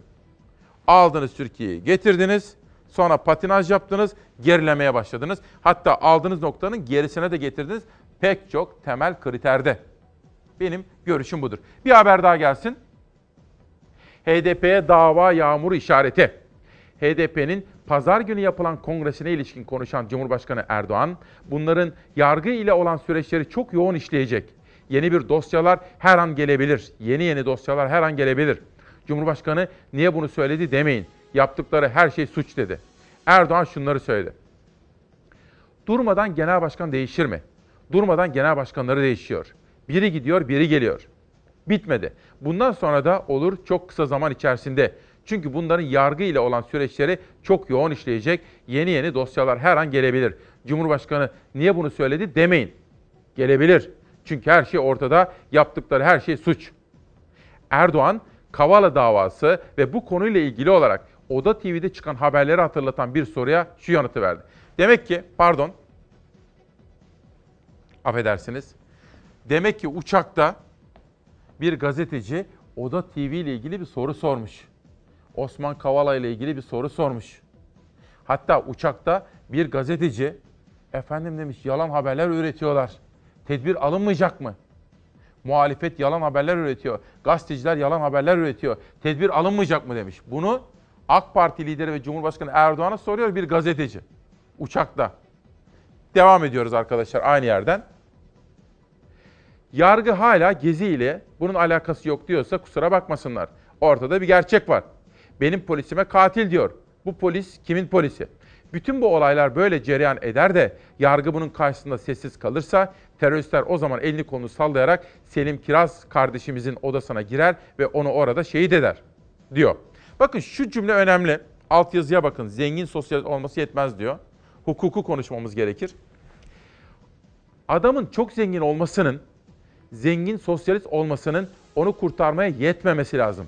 Çünkü Gezi bu ülkeye bir ihanet olayıdır diyor. Şimdi ben size bir şey söyleyeceğim. Bütün bu haberleri izlerken Allah aşkınıza kendinizi bir savcı yerine koyun. Tamam savcısınız ya da hakimsiniz. Tamam hakim. Şu anda Türkiye'de mesela Çağlayan'da veya Anadolu Adliyesi'nde görev yapan veya Türkiye'nin herhangi bir yerinde görev yapan bir hakimsiniz. Ülkenin en önemli insanı, en önemli siyasi kişisi, ülkenin yöneticisi Cumhurbaşkanı Erdoğan yargı konusunda bu ve benzeri şeyleri söylerse siz ne düşünürsünüz, ne hissedersiniz? En önemlisi siz ne yaparsınız? Hakimler Savcılar Yüksek Kurulu affedersin yüksek değil artık. Hakimler Savcılar Alçak Kurulu diyebiliriz. Karşımızda hastalıklı bir zihniyet var. Yargıya, hakimlere, savcılara her türlü hakareti yapan bir zihniyet başka nasıl ifade edilebilir? Osman Kavala'nın Gezi davasından beraat ettiği gün 15 Temmuz soruşturması kapsamında tutuklanması yargı bağımsızlığı tartışmasını alevlendirdi. CHP liderinin grup kürsüsünden kurduğu cümlelere Erdoğan da öfkeliydi, Adalet Bakanı da. Yargı mensuplarına hakarette bulunmak kimsenin hakkı değildir. 12 Eylül darbe döneminde işte ise bir savcılar vardı, hakimler vardı. Çok daha ağır bir faşizm düzeniyle karşı karşıya. Çok daha ağır. 27 Mayıs ve 12 Eylül darbe yargısını bile yüceltecek kadar alçalabilen bir kişi artık sözün bittiği yere ulaşmış demektir. Bu zatın bir defa terör örgütleriyle görüntüleri var. İşin içinde aktör. Yargı hala geziyle bunun alakası yok diyorsa kusura bakmasınlar. Cumhurbaşkanı bu cümleleri de Azerbaycan dönüşü uçakta kurdu. Gezi olaylarını finanse ettiğine dair bir delil yok diyen Osman Kavala hakkında beraat kararı veren mahkemeyi eleştirirken Kavala'nın terör örgütleriyle görüntüsü olduğunu söyledi Erdoğan. Yeni günde grup kürsüsünde ise gündeminde CHP liderinin yargıya ve kendisine yönelik eleştirileri vardı. Yargıya gözdağı veriyor. Kimsin sen ya? Kimsin sen? Arkadaşlar dediği teröristlerin arkalarında duran bir kişi bu ülkenin ancak hasmı olabilir. Allah aşkına bunlar hakim mi ya? Söylüyorum bu kararı verenler hakim değil sarayın köleleridir. Bu ülkede kölelik yoktur ama zihnini ve elindeki imkanları emperyalistlere gönüllü olarak satmış olan bir kişiyi biliyoruz. Onun adı da Bay Kemal'dir. Cumhurbaşkanı sert ifadelerle hedef aldı Kılıçdaroğlu'nu gözler CHP liderinin vereceği yanıtta. Ali Cenk Dönmez'in bir sorusu var. Takip edip öğrenelim. Sizleri de aydınlatmaya çalışalım. 27 Şubat 2020 günlerden Perşembe İsmail Küçükkaya ile Demokrasi Meydanı'ndasınız. Ve Ankara'dan Hacettepe Üniversitesi'nden bir konuk davet ettim. Koronavirüs konusunda böyle nefessiz izleyip her türlü detayı soracağız ve öğreneceğiz efendim diyorum. Ve işte günün önemli kitaplarından biri yayını hazırlayan Muhammed Gömük, Şehit Ömer Halis Demir davası kocaman bir çalışma yapmış. Emeğine sağlık diyorum. Daha evvel de FETÖ konusundaki kitaplarını sizlere tanıtma imkanı bulmuştum efendim. Ve şimdi Sözcü Gazetesi'nden bir başka manşete geçelim. Daha doğrusu ilk haber. Emekliler bayram ikramiyesine zam istiyor. Bırakın kesinti düşüncesini. Emekliler bayram ikramiyesine artış bekliyor. Maaştan kesinti ve ikramiye kaldırılacak söylentilerine öfkelenen emekliler bırakın kesintiyi ikramiye zam yapın diye isyan ediyor. Çünkü her şeye zam geldi. 13 milyona yakın emekli ay sonunu getiremiyor. Borç içinde yaşam savaşı veriyor. Buna rağmen iktidarın gözü emeklinin 3 kuruş maaşında. Kesinti ve ikramiyenin sonlanacağı söylentisi tuz biber oldu. Oysa emekliler insanca yaşayacak kadar maaş zammı ve bayram ikramiyelerinin enflasyon oranında artmasını istiyor. Çünkü 2018'den bu yana 1000 liralık ikramiye hiç zam yapılmadı. Alım gücü iyice düştü diyor Kemal Atlan imzalı haberde. Bu arada Bursa'dan Kadir Çankaya dayım da 80'lerinin üzerinde bir genç delikanlı 82 miydi, 83 yaşında mıdır? Sizlerin Regaip Kandilini kutluyor efendim. Unutmadan onu da aktarmış olayım. Sözcüden evrensele geçiyorum. Günün en çarpıcı manşetini sizlere sunacağım şimdi. Koronavirüs ve dünyadaki meydana gelen gelişmeler. Evrensel Gazetesi, Sağlık Bakanı Koca'dan koronavirüs değerlendirmesi risk kapıda diyor. Sizlere biraz evvel Sağlık Bakanı'nın bu konudaki yaptığı açıklama ve gerçekleştiği uyarıları anlatmıştım. Hemen altında Sinan Adıyaman. Türk Tabipler Birliği Başkanı da çok çabuk teşhis edilmesinin şart olduğunu, meselenin ciddi olduğunu ve ciddiye alınması gerektiğini söylüyor Türk Tabipler Birliği Başkanı efendim. Saatler 8.10'a doğru giderken günün manşetini atıyoruz. Koronavirüs. Koronavirüs dünyayı tehdit etmeye devam ediyor. Virüsün en son görüldüğü ülkeler Gürcistan, Pakistan, Norveç, Romanya ve Kuzey Makedonya oldu. Tüm dünyada yaşanan ölümler 2800'e ulaştı. Vaka sayısı ise 82 bini geçti. Çin Wuhan'da başlayıp tüm dünyaya yayılan koronavirüsü hız kesmiyor. Virüsün etkilediği ülke sayısı 40'ı geçti. Ciddi solunum yolu hastalıklarına yol açan virüs Çin'den sonra en çok Güney Kore'yi, İran'ı ve İtalya'yı vurdu. Koronavirüs Avrupa'da en çok İtalya'yı sarstı. İtalya'da ilk olarak kuzey bölgelerde görülen koronavirüs vakası neredeyse tüm ülkeye yayıldı. 374 kişiye virüs bulaştı. Yaşamını yitirenlerin sayısı ise 12'ye yükseldi. Endişe veren tablo karşısında toplantılar yapıldı ancak İtalya'ya komşu ve yakın ülkeler sınır kapılarını kapamama kararı aldı. Çin'den sonra virüsün en çok yayıldığı ülkelerden biri de İran oldu. İran Sağlık Bakanı şehirleri karantinaya almak yerine şüpheli kişilerin şehirlere giriş ve çıkışlarına kısıtlama getirileceğini söyledi. Koronavirüsünün tespit edildiği yerlerde cuma namazının kılınmamasına karar verildi. Vatandaşlara yolculuktan kaçınmaları konusunda uyarılar yapıldı.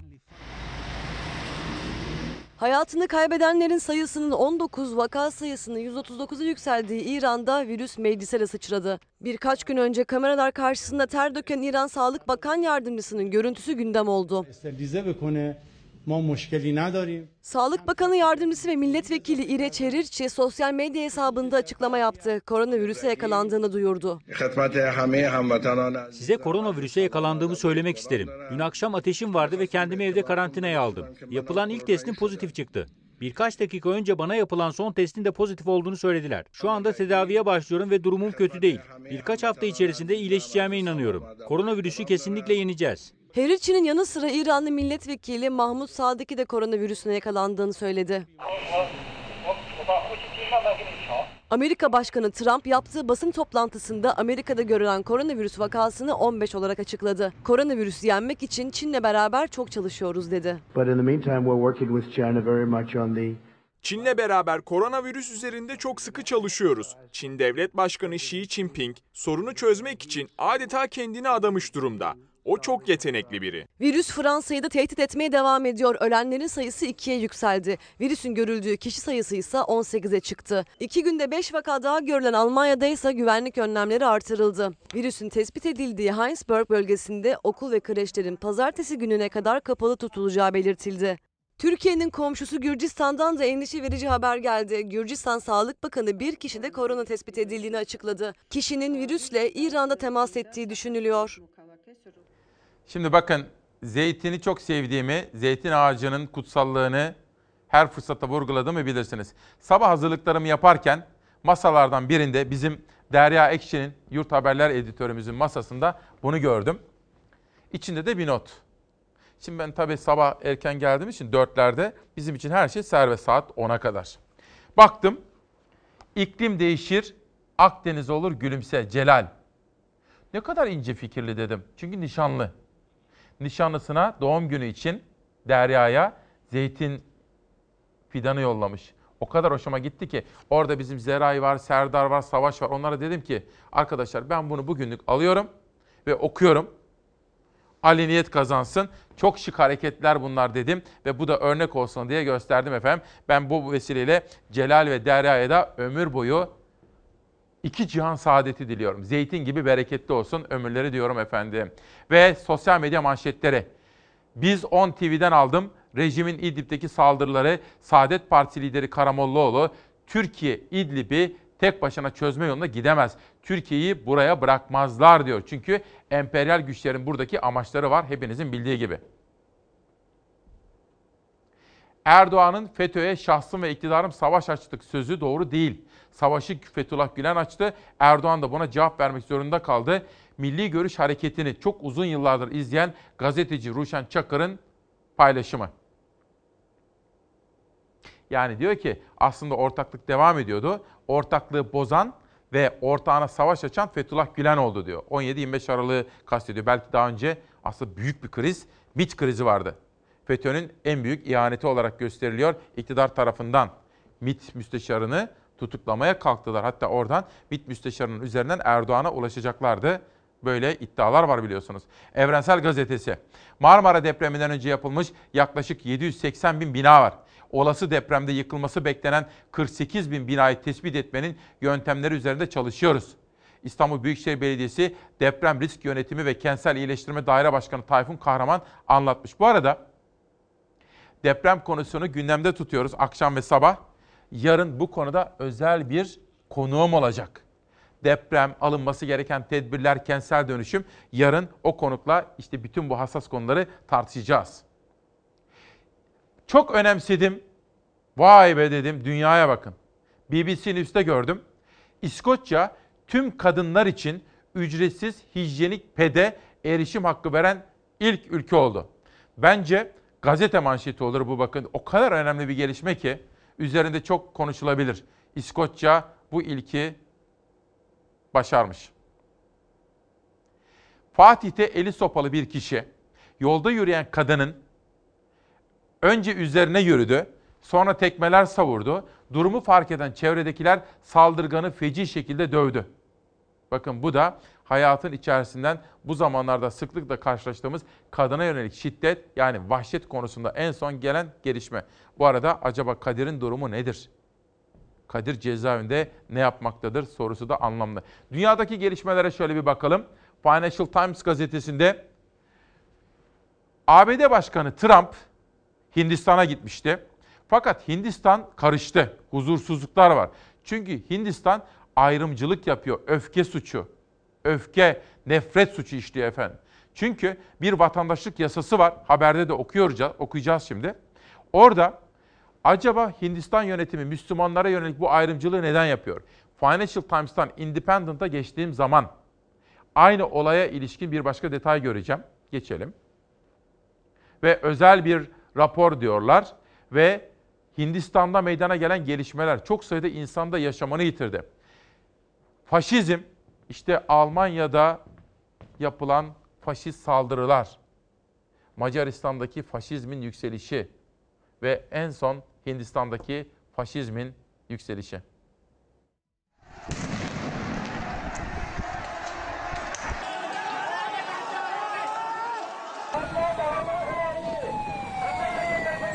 Vatandaşlık yasası protestoları Müslüman ve Hindu grupları karşı karşıya getirdi. Çıkan çatışmalarda en az 20 kişi hayatını kaybetti.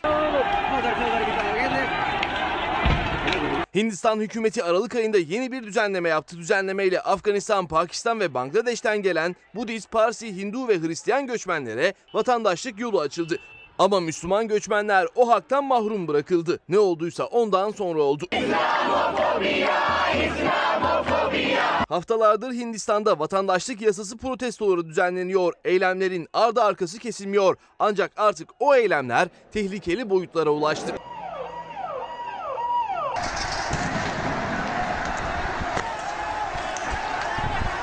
Vatandaşlık yasasını protesto eden Müslümanlarla Hindular karşı karşıya geldi. Gruplar arasında çatışma çıktı, kan aktı. Şimdiye kadar en az 20 kişi hayatını kaybetti.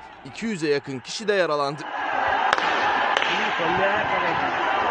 Dün Yeni Delhi'de gösteriler sırasında iş yerleri kundaklandı, dükkanlar yağmalandı. İslam karşıtlığı baş gösterdi. Bir cami tahrip edildi. Hindistan'da tehlikeli gerginlik hala üst düzeyde.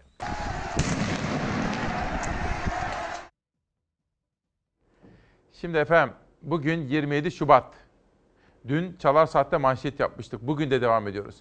Panik yapmayalım ama ciddiye alalım. Hepimizin hayatını ve sağlığını ilgilendiriyor koronavirüs. Ve Ankara'dan bu konularda en etkili isimlerden biri, bilgili bir bilim adamı. Onu davet ettim. Hacettepe'lidir. Sizlerle tanıtacağım. Hazır mısınız? Şöyle eşiniz, dostunuz, çoluğunuz, çocuğunuz için o kadar önemli ki. Önce hocamı tanıtalım. Hocam hoş geldiniz. Çok teşekkür Nasılsınız? ederim. Çok çok sağ olun, iyiyim. Önce sizi bir tanıyalım. Buyurun. Ee, Doktor Ateş Kara, Hacettepe Üniversitesi Tıp Fakültesi Çocuk Sağlığı ve Hastalıkları Anabilim Dalındayım. Aynı zamanda da çocuk enfeksiyon hastalıkları uzmanıyım. Hacettepe'de görev yapıyorum. Koronavirüsün de bilim kurulundayım. Evet. Bir başkası da şöyle Çocuk Enfeksiyon Hastalıkları ve Bağışıklama Derneği'nin de başkanlığını yürütüyorum Tamam. bu dönemde. Şimdi hocam bu konuda çok kafa karışıklığı var. En önemlisi bilmemiz gerekiyor. Korona nedir, nereden çıktı, nasıl tedbirler almamız gerekiyor. Bir haber sunacağım ama önce Çalar Saat'i bir verelim. Biz bugün Çalar Saat gazetesinde sorular hazırladık. Çünkü her birimizin aklına gelen sorular var, soru işaretleri var. Çalar Saat gazetesinde bakın. Şimdi altta 10 soruda korona. Önce şurayı anlatmak isterim. İngiliz gazetesi Daily Express'te bir haber gördük. 10 Nisan'da başlayacak Paskalya tatilini yurt dışında geçirmeyi düşünenlere virüs açısından en güvenli ülkeler açıklandı. Yeşil hatta bulunan 6 ülke arasında Türkiye de var. Bu Türkiye'de var. D'yi ayrı yazacağız arkadaşlar. Apostrofu yapıp gözümüzden kaçmış. Türkiye ile birlikte Polonya, Macaristan, Meksika, Barbados ve Jamaika risksiz ülkeler arasında yer alıyor. Şimdi ilk soruyla başlayacağım hocam. Haberimiz hazır mı Serdar? Bir haber vereceğim. Bir, koronavirüs nereden çıktı? Bunu size soracağım ama önce haberimizi dikkatle izleyelim. Numunelerde, tetkiklerde pozitif çıkan herhangi bir hastamız olmadı. Tahran'dan Ankara'ya getirilen 142 kişide koronavirüsünün olmadığına dair ilk açıklamayı karantina hastanesinin önünden sıcağı sıcağına yaptı Sağlık Bakanı ancak virüsün Türkiye'ye çok yaklaştığının da altını çizdi. Risk kapıya geldi. Bu dönemde virüsün ülkeye gelebilme riskinin yüksek olduğunu ve gelirse de bütün tedbirlerimizin alındığını ifade etmek istiyorum. İran'dan Türkiye'ye gelenlerin karantina süreci başladı. Zekai Tahir Burak Hastanesi ve Bilkent Konuk Evi'nde 14 gün boyunca izlenecek 142 kişi. İlk testlerinde sonuç negatif ama Sağlık Bakanı her ihtimali değerlendiriyoruz dedi. Kuluçka döneminde negatif çıkabilir. Süreçte pozit- pozitif olabilir. Her hasta için bir risk analizi yapılıyor olacak. Sağlık Bakanı Koca tüm tedbirlerin alındığının uzman sağlık kadrosu ve yeterli cihazlarla virüsün kontrol altında tutulabileceğinin de altını özellikle çizdi ve virüsün yayılma hızının düşmesi için havaların ısınması gerektiğini de söyledi. Virüsün sıcak ortamlarda, dış ortamda yaşam süresinin az olduğunu biliyoruz. Koronavirüsü için bir ilaç yok. Tek çare aşı üretimi. Bakan Çin'de bulunduğu söylenen tüm dünyanın merakla beklediği aşıya dair de tahmini bir tarih verdi. En az bir 6-9 ay gibi bir süreç olacak. Bugünden yarına aşının hemen pratik kullanıma geçebileceğini beklemiyoruz.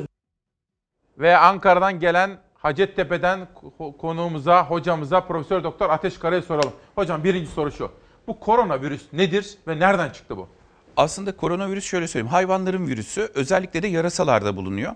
Ama yapısı gereği çok kolay mutasyon geçiriyor. Arada mutasyon geçirdiğinde de yakınında farklı bir canlı türü varsa ona da atlayabiliyor. Şimdi bundan önce aslında biz koronavirüsleri insanlarda da görüyoruz. Dört tanesinde özellikle insanlarda Ocak ve Şubat aylarında sık hastalık yapan bizim virüslerimizden bir tanesiydi. Ama daha sonrasında 2000'li yılların başında hatırlıyorsanız SARS diye başlamıştı. Sonra hemen 2010-2012 döneminde MERS olarak gene koronavirüstü bunlarda.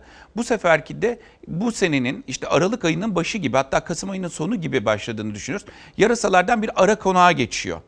Ve insanlar da o dönemde ona çok yakın olurlarsa işte neden özellikle Çin'den çıkıyor? Neden? Çünkü in- insanlar orada canlı yarasalar ve diğer hayvan türleriyle çok iç içeler. Pazarlarda bu özellikle de yabani hayvanların satılıyor olması bizim bu virüse biraz daha yaklaşmamıza o sırada da buna uygun bir mutasyon geçirmiş virüs varsa da mesela bana atlamaya neden oluyor. Şöyle görüntüler izledik hocam araştırma yaparken. Çin'de bir pazar var. Orada yarasalar bilmem de burada ismini bile söyleyemeyim çünkü sabah kahvaltı olanlar var. Evet. Onların satıldığı pazarlar var. Ve onlardan insanlara mı geçiyor bu? Tabii yani bir şekilde o sırada işte e, insana geçebiliyor, atlayabiliyor. Mutasyon yani değişime uğruyor. Değişime uğradığı zaman da o eğer o dönemde yakınında bir başka canlı türü varsa onu atlayarak orada devam Peki, edebiliyor. Hayvandan insana geçiyor bir. Evet. İnsandan insana nasıl geçiyor? Şimdi her zaman geçmiyordu ama bu seferki insandan insana da geçebilir Nasıl? şekilde. Yani bizde özellikle bir acı 2 denilen yani virüsün bir kapısı vardır. Bir giriş kapısına ihtiyaç duyar. Mutlaka çünkü bir hücrenin içinde yaşamak zorunda virüs. Ona uygun bir kapı bizim alt solunum yollarımızda işte akciğerlerimizde ve hemen bronşlarımızda var. O bölgeden de tutunarak içeri giriyor. Şimdi böyle girdiği zaman da orada çoğaldıktan sonra da yakın mesafedeysek özellikle bir metre gibi veya çok yakında bulunup sekresyonlarıyla öp hapşırırken, öksürürken olanla karşı karşıya geliyorsak işte bu sefer de o kişiden bize atlıyor. Peki ikinci soru. Bir şey daha ekleyebilir miyim? Tabii, buyurun. Mesela Ebola'ya da bakarsak insanlar onların yaşam alanlarına girdikçe, bu yaban hayvanların yaşam alanlarına biz doğayı tahrip ettikçe bu yeni virüslerle de karşılaşacak mıyız? Evet mutlaka. Öyle mi? Mutlaka. Peki. Virüsün bu kadar hızlı yayılması nedeni ne? Hocam bir anda patladı bu. Nasıl? Şimdi virüslerin tabii bir bulaşma e, hızları vardır. Mesela kızamık virüsü diyelim ki 10 kişi var içeride hemen hemen 10 kişinin 10'unu da hastalandırabilir. Mesela kaba kulak çok bilinir ama mesela 10 kişinin 4'ünü hastalandırır. Şimdi virüslerin böyle hastalandırma oranları var. Mesela grip de bazı grip vardır 2'yi bazı grip vardır 6'yı hastalandırır. Bu seferki koronavirüs bizim daha öncekilerden biraz farklı. Hastalandırma rakamı yüksek. Yani kolay geçiyor. Böyle bir özelliği var. Peki. Şi- çok hızlı geçti diyoruz ama şunu da kabul etmemiz lazım. Çin çok sıkı bir e, izolasyon politikası uyguladı. Çok ciddi anlamda kontrol altına almaya çalıştı ve çok yavaşlattı. Bu bizler için aslında çok büyük bir avantaj oldu. Hocam 7 günde hastane kurdular. Evet. Bir- Böyle bin yataklı falan yani. Ya. Nasıl ve nerelerden bulaşır? Hocam şimdi biz evde oturanlar veya çocuklarımız biraz sonra okula gidecekler. Veya ben veya işte bütün arkadaşlarım.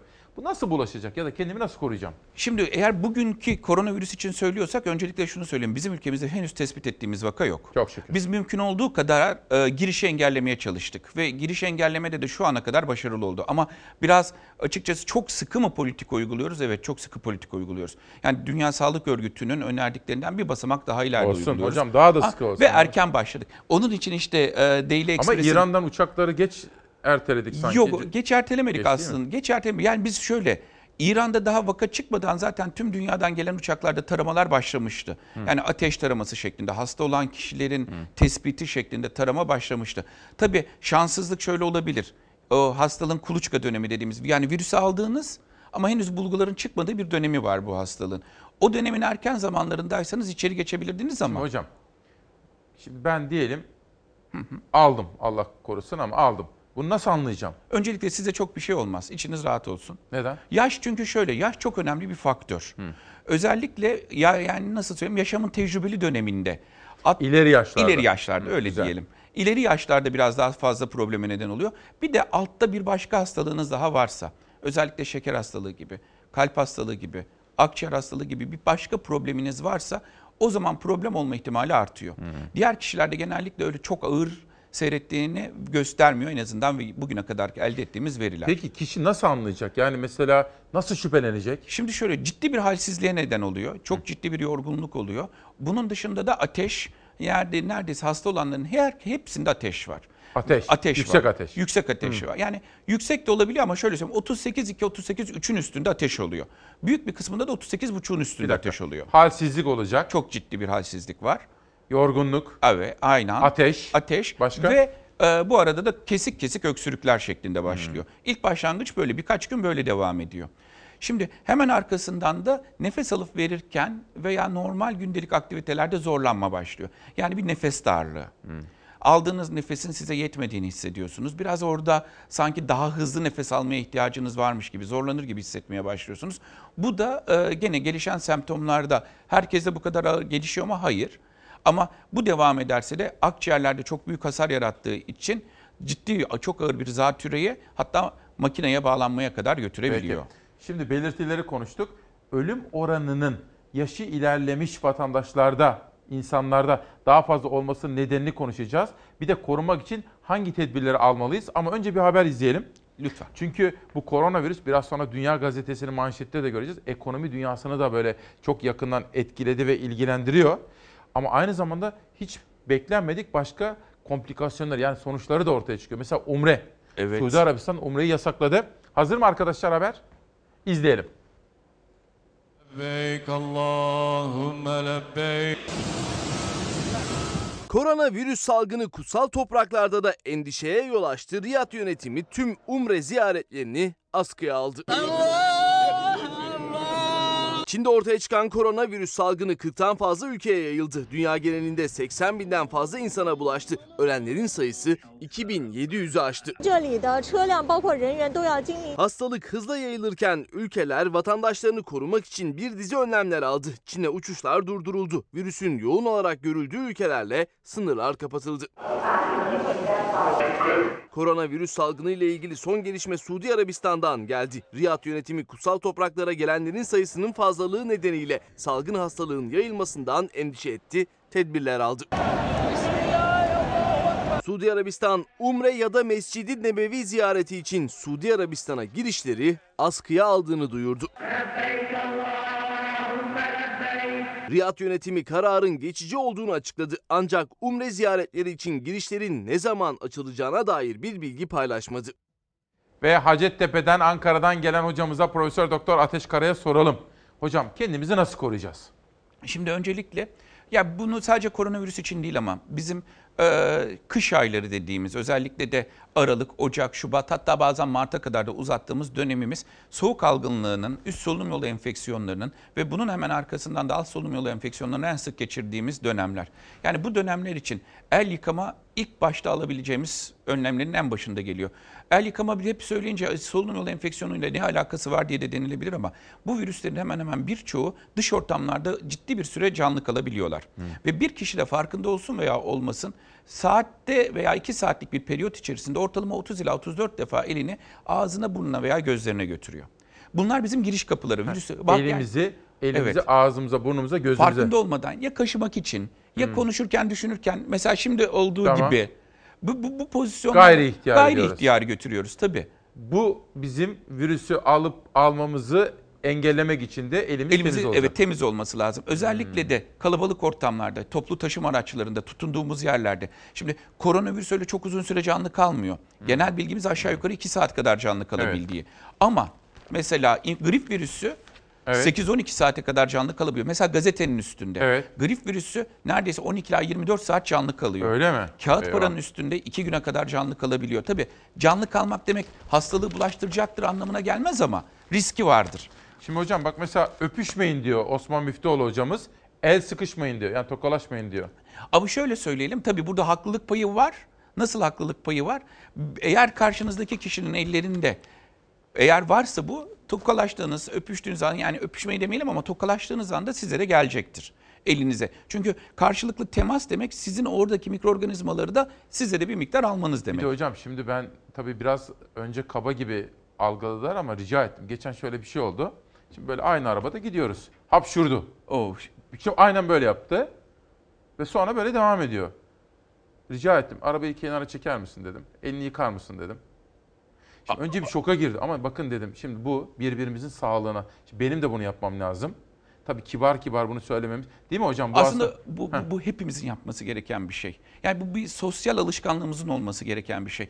Öğretin hocam onu Ya bize. şöyle şöyle Heh. söyleyeyim. Eğer elimizde kağıt mendilimiz varsa, olanağımız varsa mümkün olduğu kadar hapşırırken, öksürürken ona. Tamam. Kağıt mendili. Neden? Çünkü biz şöyle söyleyelim. Hapşırırken aşağı yukarı 120 km saat hızla, öksürürken 300 km saat hızla çıkartıyoruz.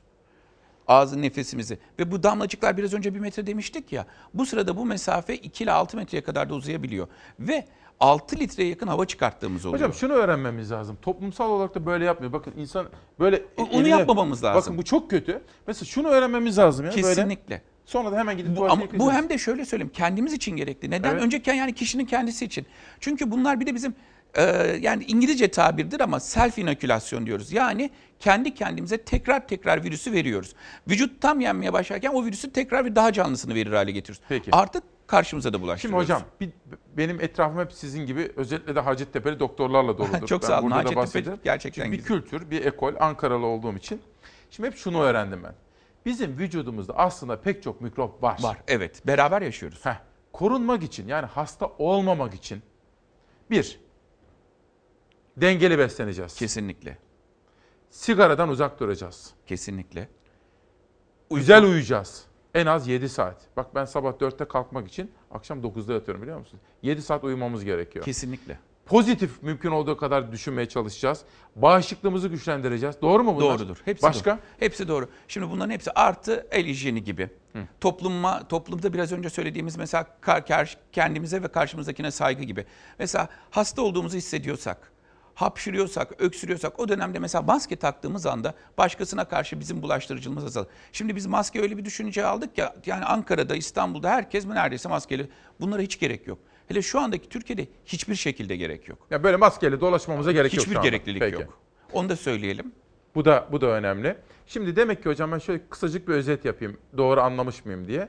Şimdi yüksek ateş varsa, kesik kesik öksürük var ise, yüksek halsizlik var ise hemen doktora gidebilirim, gitmeliyim. Şimdi orada hemen bir küçük parantez açalım. Daha bizim ülkemizde çok vakamız yok diyelim. Hiç Tamam, vakamız tamam. yok. Veya 1-2 vakamız var, 3-5 vakamız var. Böyle bir dönemde mümkünse telefon açarak gidersek veya öncesinde bilgi vererek veya giderken özellikle maske takarak gidersek bu hastalığın başkasına yayılmasını önleriz. Yani şu ana kadar biz Türkiye'ye gerçekten sokmadı, sokmamada başarılı olduk. Ama vaka çıkabilir mi? Artık özellikle İran'dan sonra her an çıkabilir. Ama böyle bir durumda da işte bu Ama özelliklerimiz bu var. biraz münferit kalacak bizde Tabii. eğer tedbirlerimizi iyi başarı- alırsak. Alırsak münferit de kalabilir. Yani yayılabilir. Çünkü Yayılabilir mi? Ha. İtalya'da görüyoruz mesela Evet. onlar izolasyon önlemlerini uyguluyorlar ama ona rağmen yayılmada tam başarılı olamaz. Ama vakaları kısıtlı tuttular. Böyle bir başarıları var. Peki yönetmenimiz Savaş Yıldız uyarıyor. Bizde bir de bizde de karantina bölgesi hani haberlerimiz var. Onu bir izleyelim. Lütfen. Daha sonra size bir önemli soru daha soracağım. Çünkü dün bir büyüğüm dedi ki iki haftalık karantina süresi var ya aslında üç hafta olması gerekmiyor mu diye sordu. Ben size uzmanına soracağım. Savaş hazır mıyız? İzleyelim.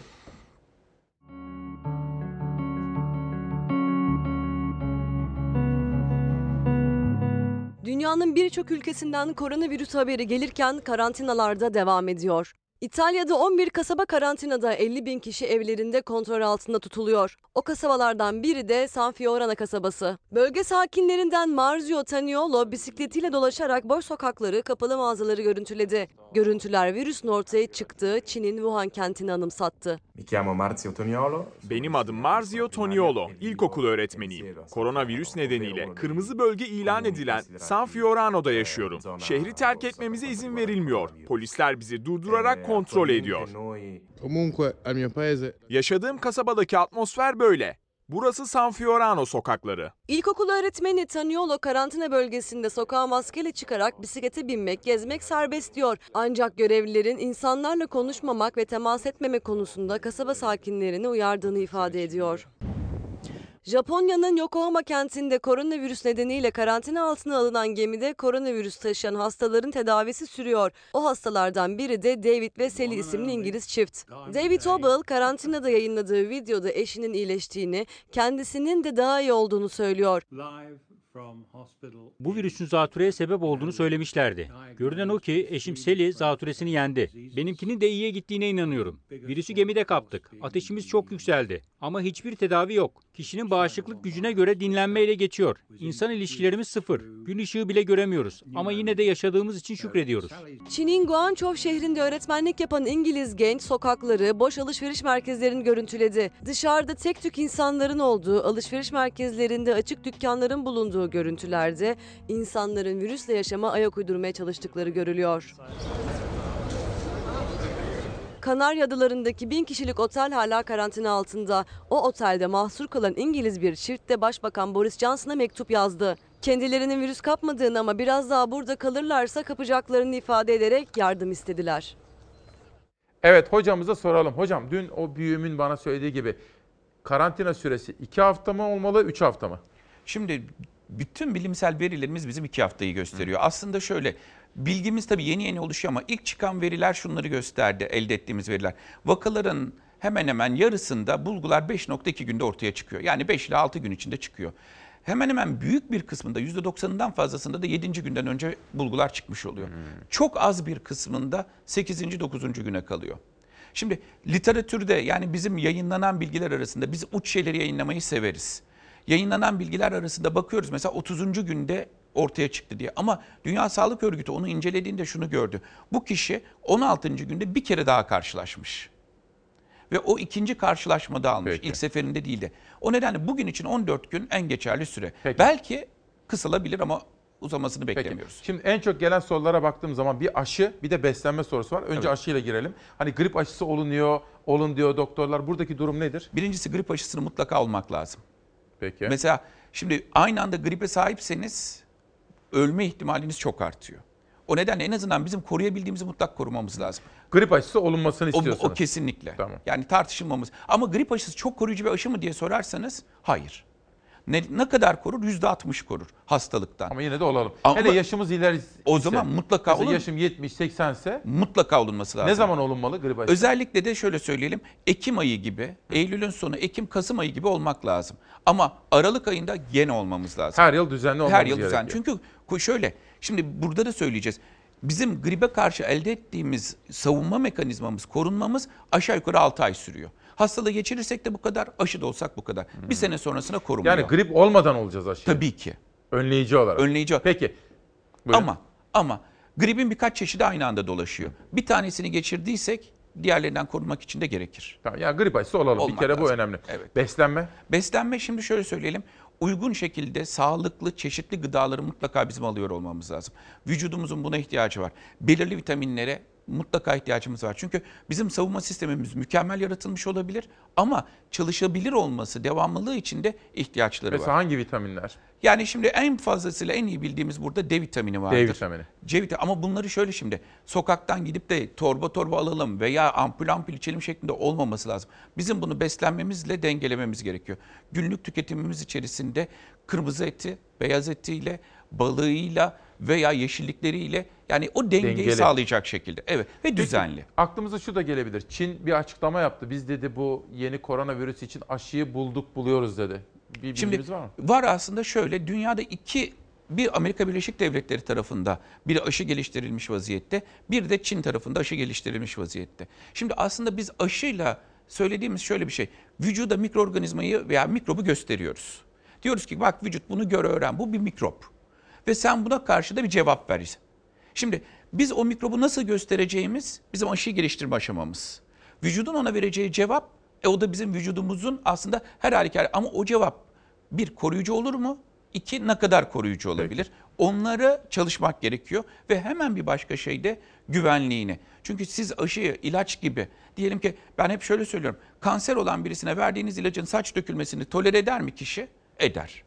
Çünkü öbür türlü kanserden ölecek. Bir saç sonra tekrar çıkacak. Çıkacak ama şöyle bir de sinüzit olsanız ve size ilaç versek bu kabul eder misiniz saç dökülmesini? Mümkün değil. Onun gibi aşıyı da hesap kitap tabii var. ki aşıyı da şimdi sağlıklı kişiye yaptığımız için aşı da yan etkinin sıfır olması lazım. Çok önemli. Komplikasyon. O nedenle şimdi aşıyı biz bugün bile üretmiş olsak onun güvenlik testleri, etkinliğinin çalışması en az 1 ila 1,5 yıllık bir süre alıyor. Yani önümüzdeki 1-2 ay içerisinde öyle aşı gelmesi mümkün Hocam değil. bir kere çok teşekkür ediyorum. Ta Ankara'lardan bizim için geldiniz. Benim kafamdaki hemen hemen bütün sorular aydınlandı. Ama şunu da söyleyeyim. Biz Sağlık Bakanı'nı da geneli itibariyle bakanlığı da bakanı da haber konusu diğer öznelerimiz gibi, muhataplarımız gibi sıklıkla eleştiriyoruz. Biz de eleştiriyoruz. Ha, eleştiri. Fakat bu olayda bence tebriği hak ediyor. Çünkü çok ciddiye aldı bütün bakanlık ve sürekli bilgilendirme yapıyor. Bak benim en çok ihtiyaç duyduğum şey bu. Şeffaf devlet yönetimi. Bakan her gün belli saatlerde hem bilim kurulunu topluyor hem işte açıklama yapıyor. Peki son olarak ne söylemek istersiniz? bir değerlendirme yapalım. Ben ben sadece şunu söylemek istiyorum. Bakanlık biz Ocak ayının başında ilk defa toplanmaya başladık. Yani daha Çin ilk defa bunu açıklarken ne olur şeklinde biz toplanmaya başladık. Ve gerçekten de Türkiye'ye gelmemesi için ne yapabiliriz? İlk vakayı nasıl tespit ederiz şeklinde de hazırlıklar. Bakanlığın da bence en en gerçekten e, yani burada devlet büyüklerimizin hepsini bence artı tüm bakanlık çalışanlarını İşi ciddiye alıyoruz. çok ciddiye aldılar ve hemen hemen bilim kurulunun her dediğini de hemen anında uygulamaya geçiriyorlar. Her türlü açıkçası yüküne rağmen. Vatandaşa son bir cümle söyleyin. Vatandaşa yani lütfen ellerimize sık yıkayalım, korkmayalım ama tedbirli olalım. Bir de yani çok fazla bilgi kirliliği var. Mümkün olduğu kadar Sağlık Bakanlığı bu konuda sayfalarını çok güncel tutuyoruz. Biz de zaten sürekli bilgi veriyoruz. Evet lütfen yani Sabah akşam sabah akşam bilgi veriyoruz. bu yönde de devam edersek mükemmel olacak. Hocam çok teşekkür Ben ediyorum. teşekkür ediyorum. Ankara'ya, Hacettepe'ye selamlarımı, Lütfen, saygılarımı çok iletin. çok teşekkürler. Efendim izin verirseniz ben konumu uğurlayacağım, aranıza döneceğim. Günün adını beraber koyalım ama öncelikle uyananlar birbirine günaydın desinler. Günaydın. 27 Şubat 2020 günlerden Perşembe İsmail Küçüköy ile Mavi Bir Sabaha hoş geldiniz. Yönetmenimden rica etsem şöyle bir dışarıya bakalım. Zeytinburnu'na. Bugünkü manşetimizi sizlere aktaracağım. En büyük sorunumuz. Bu manşeti Cumhurbaşkanı Erdoğan'dan aldım. Çünkü Cumhurbaşkanı Erdoğan dedi ki Suriye konusunda en büyük sorunumuz hava sahasını kullanamıyoruz. Neden? Tabii Putin izin vermiyor da ondan. Bugün pek çok haber ve manşet, koronavirüs, deprem, pek çok detayı sizlerle paylaşıyorum. Ama ilk haberi bir daha tekrar etmek isterim. Maalesef İdlib'de iki kahramanımız şehit oldu. 7.15'te iki kahramanımızın şehadet haberini sizlere sunmuş ve vatanımıza başsağlığı demiştim. Bu haberi tekrar etmek isterim çünkü görmeniz gerekiyor. Hissetmeniz gerekiyor. Duyarsızlaşmayalım. Bakın bu gördüğünüz güzel insan adı Şükrü Elibol. Adını sizlere söylemek istiyorum. Adı Şükrü Elibol. Uzman onbaşı. O dün İdlib'de şehit oldu. Bu sabah şehadet haberini aldık. Tıpkı onun gibi bu güzel insan da adı Soner Enes Baykuş. Uzman onbaşımız. O da şehit oldu efendim. Arkadaşlarım haberlerini sizlere sunmuştu. Aileleriyle ilgili detayları da araştırma kapsamına aldık. Biraz sonra sizlere elimize geçen bütün haberleri biraz sonra akşam ve yarın sabahta bu konudaki haberleri sizlere aktaracağım. Yönetmenimden birkaç haber daha aktarmasını istiyorum. Günün özetini hep beraber yapmak zorundayız. Ve bugün yine 7.15'te sizlere günaydın derken önce şu anda hastane odalarında ameliyat olmayı bekleyen hastalarımıza veya hastalıkla mücadele eden hastalarımıza geçmişler olsun demiştik. Bu mübarek günlerde 3 aylardayız ve Regaib Kandiliniz mübarek olsun demiştik efendim. Bugün Regaib Kandili dolayısıyla dualarınız da huzura, esenliğe, barışa gelsin diyorum. Devam ediyoruz. Aynı zamanda bugün 27 Şubat 2011'de 9. seneyi devriyesi yani rahmetli Erbakan Hoca'nın vefatının üzerinden 9 yıl geçti bugün itibariyle. Milli Gazete'de de biraz sonra detaylarını okuyacağımız gibi Erbakan'la ilgili bugün anma törenleri yapılacak. Meral Akşener iki hafta kadar önce Bursa'da ilçe ve köyleri esnaf ziyaretiyle turlamıştı. Ondan sonraki hafta Trakya'ya gitmişti. Trakya'da da yine ilçelerde esnaf ve köylüyle buluşmuştu. Meral Akşener seçim yokken bütün Türkiye'yi ilçe ilçe dolaşacağım. Köylü ve esnafla sohbet edeceğim. Onların sesini Ankara'ya duyuracağım demişti. Diyor ki bakın paylaşımına şöyle bakalım. Ekonomimizin bel kemiği küçük esnafımız çok zor durumda. Biz bu gidişe dur diyeceğiz diyor efendim. İlk haberimizi esnafa ayırıyoruz. Elektrik parası nasıl? Çok geliyor. Geçen sene bu. Efendim hoş geldin. Hoş bulduk. Arada fark var. Neredeyse yüzde otuz beş, yüzde kırk var. Evet. Peki alım gücü düştü diyor esnaf doğru mu? Doğru. Bakkal kalmadı köylerde. Çoğu insanlar şey yaptılar. Yani kapatmasa bile artık yani durma noktasında. Raflarda Biliyorsunuz şey, o tezgahta şey görüyoruz. zincir mağazalar ortalığı tabii toz duman attı. Biz toptan yapıyorduk, parakendeye döndük. Evet. Şimdi bence iyi yapıyor. Çünkü biz vatandaşız ya, bizi yalnızca seçim dönemlerinde hatırlayan siyasetçileri istemiyoruz. Hayır öyle değil. Her zaman gelsinler. Bizim derdimizi dinlesinler. Esnafı şöyle bir ziyaret etsinler bakalım. Selamun aleyküm, aleyküm selam, hayırlı işler. Nasıl durumlar? Siftah ettiniz mi diye sorun. Çekler dönüyor mu? Piyasada çarklar dönüyor mu? Böyle konuşalım. Öyle plazalarda oturup gazeteciler de böyle, siyasetçiler de böyle. Halkın arasına karışmadan halkın derdini nasıl duyacaksınız ki? İşte manşetler, sözcü. Emekliler bayram ikramiyesine zam istiyor. Günün çarpıcı manşetlerinden birisiydi. Bırakın kesintiyi, bırakın kesinti düşüncesini emekliler bayram ikramiyesine zam istiyor. Maaştan kesinti ve ikramiye kaldırılacak söylentilerine öfkelenen emekliler bırakın kesintiyi ikramiye zam yapın diye isyan ediyor. Bu haberin devamında hayat pahalılığı ve enflasyon konusunda rakamlar var ve özellikle emekli artık geçinemiyoruz. Her şey ateş pahası diyerek Ankara'ya sesini duyurmaya gayret ediyor efendim. Şimdi sizlere bir soru soracağım. Pırıl pırıl bir Türkiye tablosuna nasıl ulaşırız? Böyle refah. Nasıl biliyor musunuz? İnanın bana demokrasiyle. Bir ülkede hele bizimki gibi petrol doğalgaz yok ise ne yapacağız biliyor musunuz?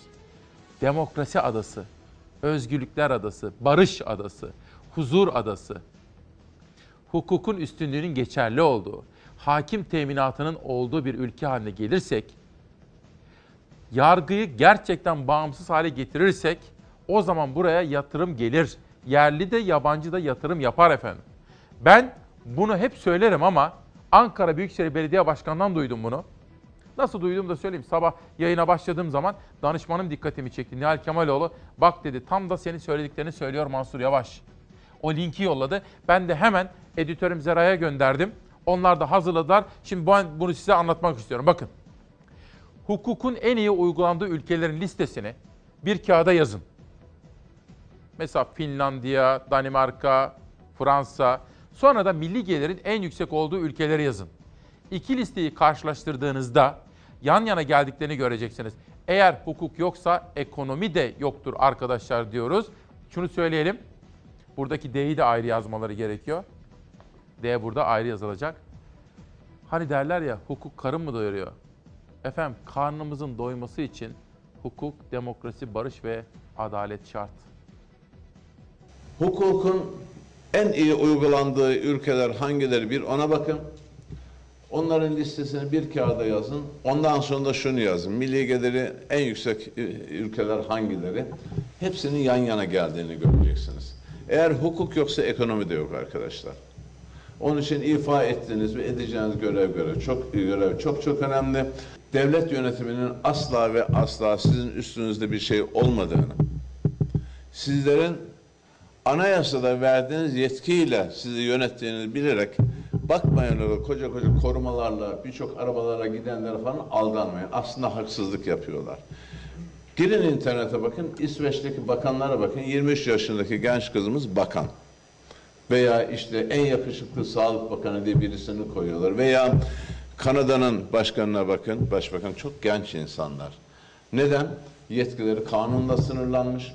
Asla ve asla kamu gücünü kullanırken e, sınırın dışına çıkmayan. İşte bakın bu her bir cümlesinin altını çizmemiz gerekiyor. Hukuk, demokrasi, adalet olursa o ülkede refah olur. Çünkü yatırım gelir. Çünkü bizim yerin altından benzinimiz, petrolümüz, doğalgazımız çıkmıyor. Bizim yatırım yapmamız gerekiyor. Bu arada şu anda hastane odalarındakilere selam söyledik ya siz de dualarınızı eksik etmeyin. İnci Tunç Kırklar elinden beni bilgilendiriyor. Sen de tanıyorsun İsmail'cim diyor. Nurcan Şanlı şu anda Beylikdüzü'nde bir hastanede, bir özel hastanede, hastanenin adını vermeyeyim. Yoğun bakımdaymış. Herkesin duasına ihtiyacı varmış. Ne olduğunu bilmiyorum. Geçmişler olsun diyorum efendim. Sözcüden bir haber daha gelsin. Sonra hürriyete. Zam diyaloğu. İstanbul Büyükşehir Belediye Başkanı İmamoğlu'na bir vatandaş %35'lik ulaşım zammı için tepki gösterdi. İkili şunları konuştu. Vatandaş %35 neden? İmamoğlu. Zam yapmak zorunda kaldık. Biz keyif almıyoruz. Şimdi yapmasam bir sene sonra daha kötü durumda. Seçim öncesi ulaşımı indireceğim demiştiniz. Vatandaş böyle devam ediyor. Ekrem İmamoğlu bir sene geçti aradan. Son bir yılda %40'ın üstünde yakıt zammı var diyor. Vatandaş devam ediyor. Her şey güzel olacak demiştiniz. Olmadı. Ekrem İmamoğlu. Niye olmuyor? Döviz, mazot, doğalgaz artıyor. Bunlar bizim elimizde değil. Onlara da tepki göster diyor Ekrem İmamoğlu efendi. Bir soru ve bir tartışma. Dün dün Anadolu Ajansı'nda bir haber gördük. Türkiye'de evlilik oranları düşüyor hızla. Ve yine Türkiye'de boşanma oranları hızla artıyor. Sebebi nedir? Siz söyleyin. Evlilik oranlarının düşmesinin, boşanma oranlarının artmasının sebebi nedir? Siz söyleyin. 6 aydır iş arıyorum, iş bulamadım. Kaç yaşındasınız? 27. Evli misiniz? Bekar. Kaç yaşındasınız? 25. Evli misiniz? Nişanlıyım. Evlenememem sebebi yeterince paramın olmaması. TÜİK evlenme oranı düştü dedi ama sebep göstermede evlenmek isteyip de evlenemeyenlere göre sebep belli. Listenin başında maddi yetersizlik var. Eskisi gibi değil hani askerliğimi yapayım 20 yaşında geleyim hemen evleneyim. Dışarıdan bakıldığı zaman insanlar hemen şey diyor hani hadi evlenmiyor musun ya falan. Bir evlendiğin zaman otomatikman 100 bin lira bir kere eksiden başlıyorsun. Ondan sonra sıkıntılar başlıyor. Evin içinde huzursuzluk oluyor para olmadığı için. Artık zaten tek kişinin çalışmasıyla imkansız zaten geçinmek. Genç yaşta maalesef evlenmiyor. Kızlarımız da erkeklerimiz de. Çoğu 30'u aşkın evleniyor veyahut da çoğu evde kalıyor. Böyle bir şey olur mu ya?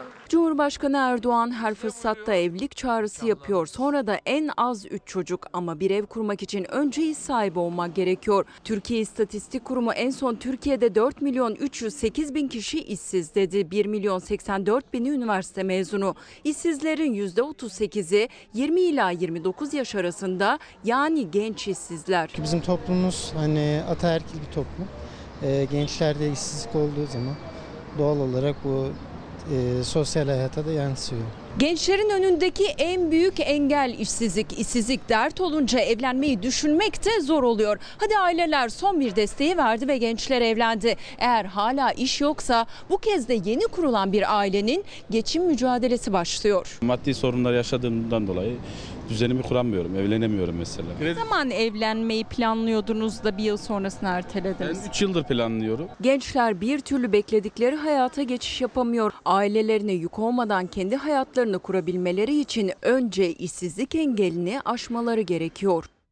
Hayat zor öyle değil mi? Her şey ateş pahası. Evlilik nasıl evlenecekler bu kadar pahalı? Her şey bu kadar pahalı. İş yok.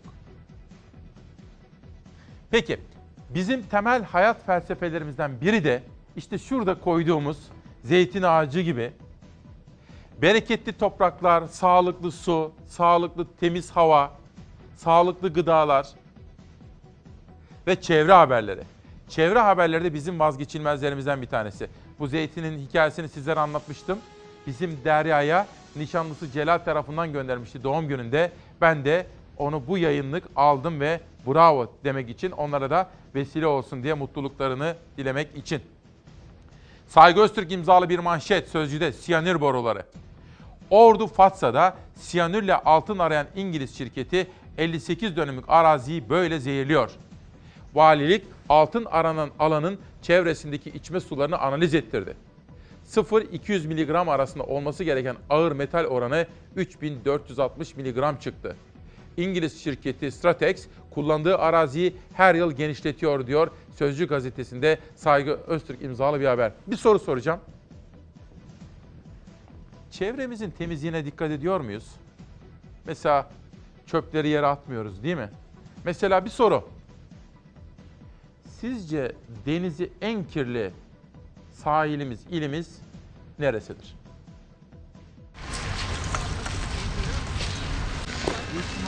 58 bin tonla Samsun birinci sırada. 35 bin tonla İstanbul takip ediyor. 26 bin tonla Antalya takip ediyor. Türkiye'nin en fazla deniz çöpü 58 bin tonla Samsun'dan çıktı.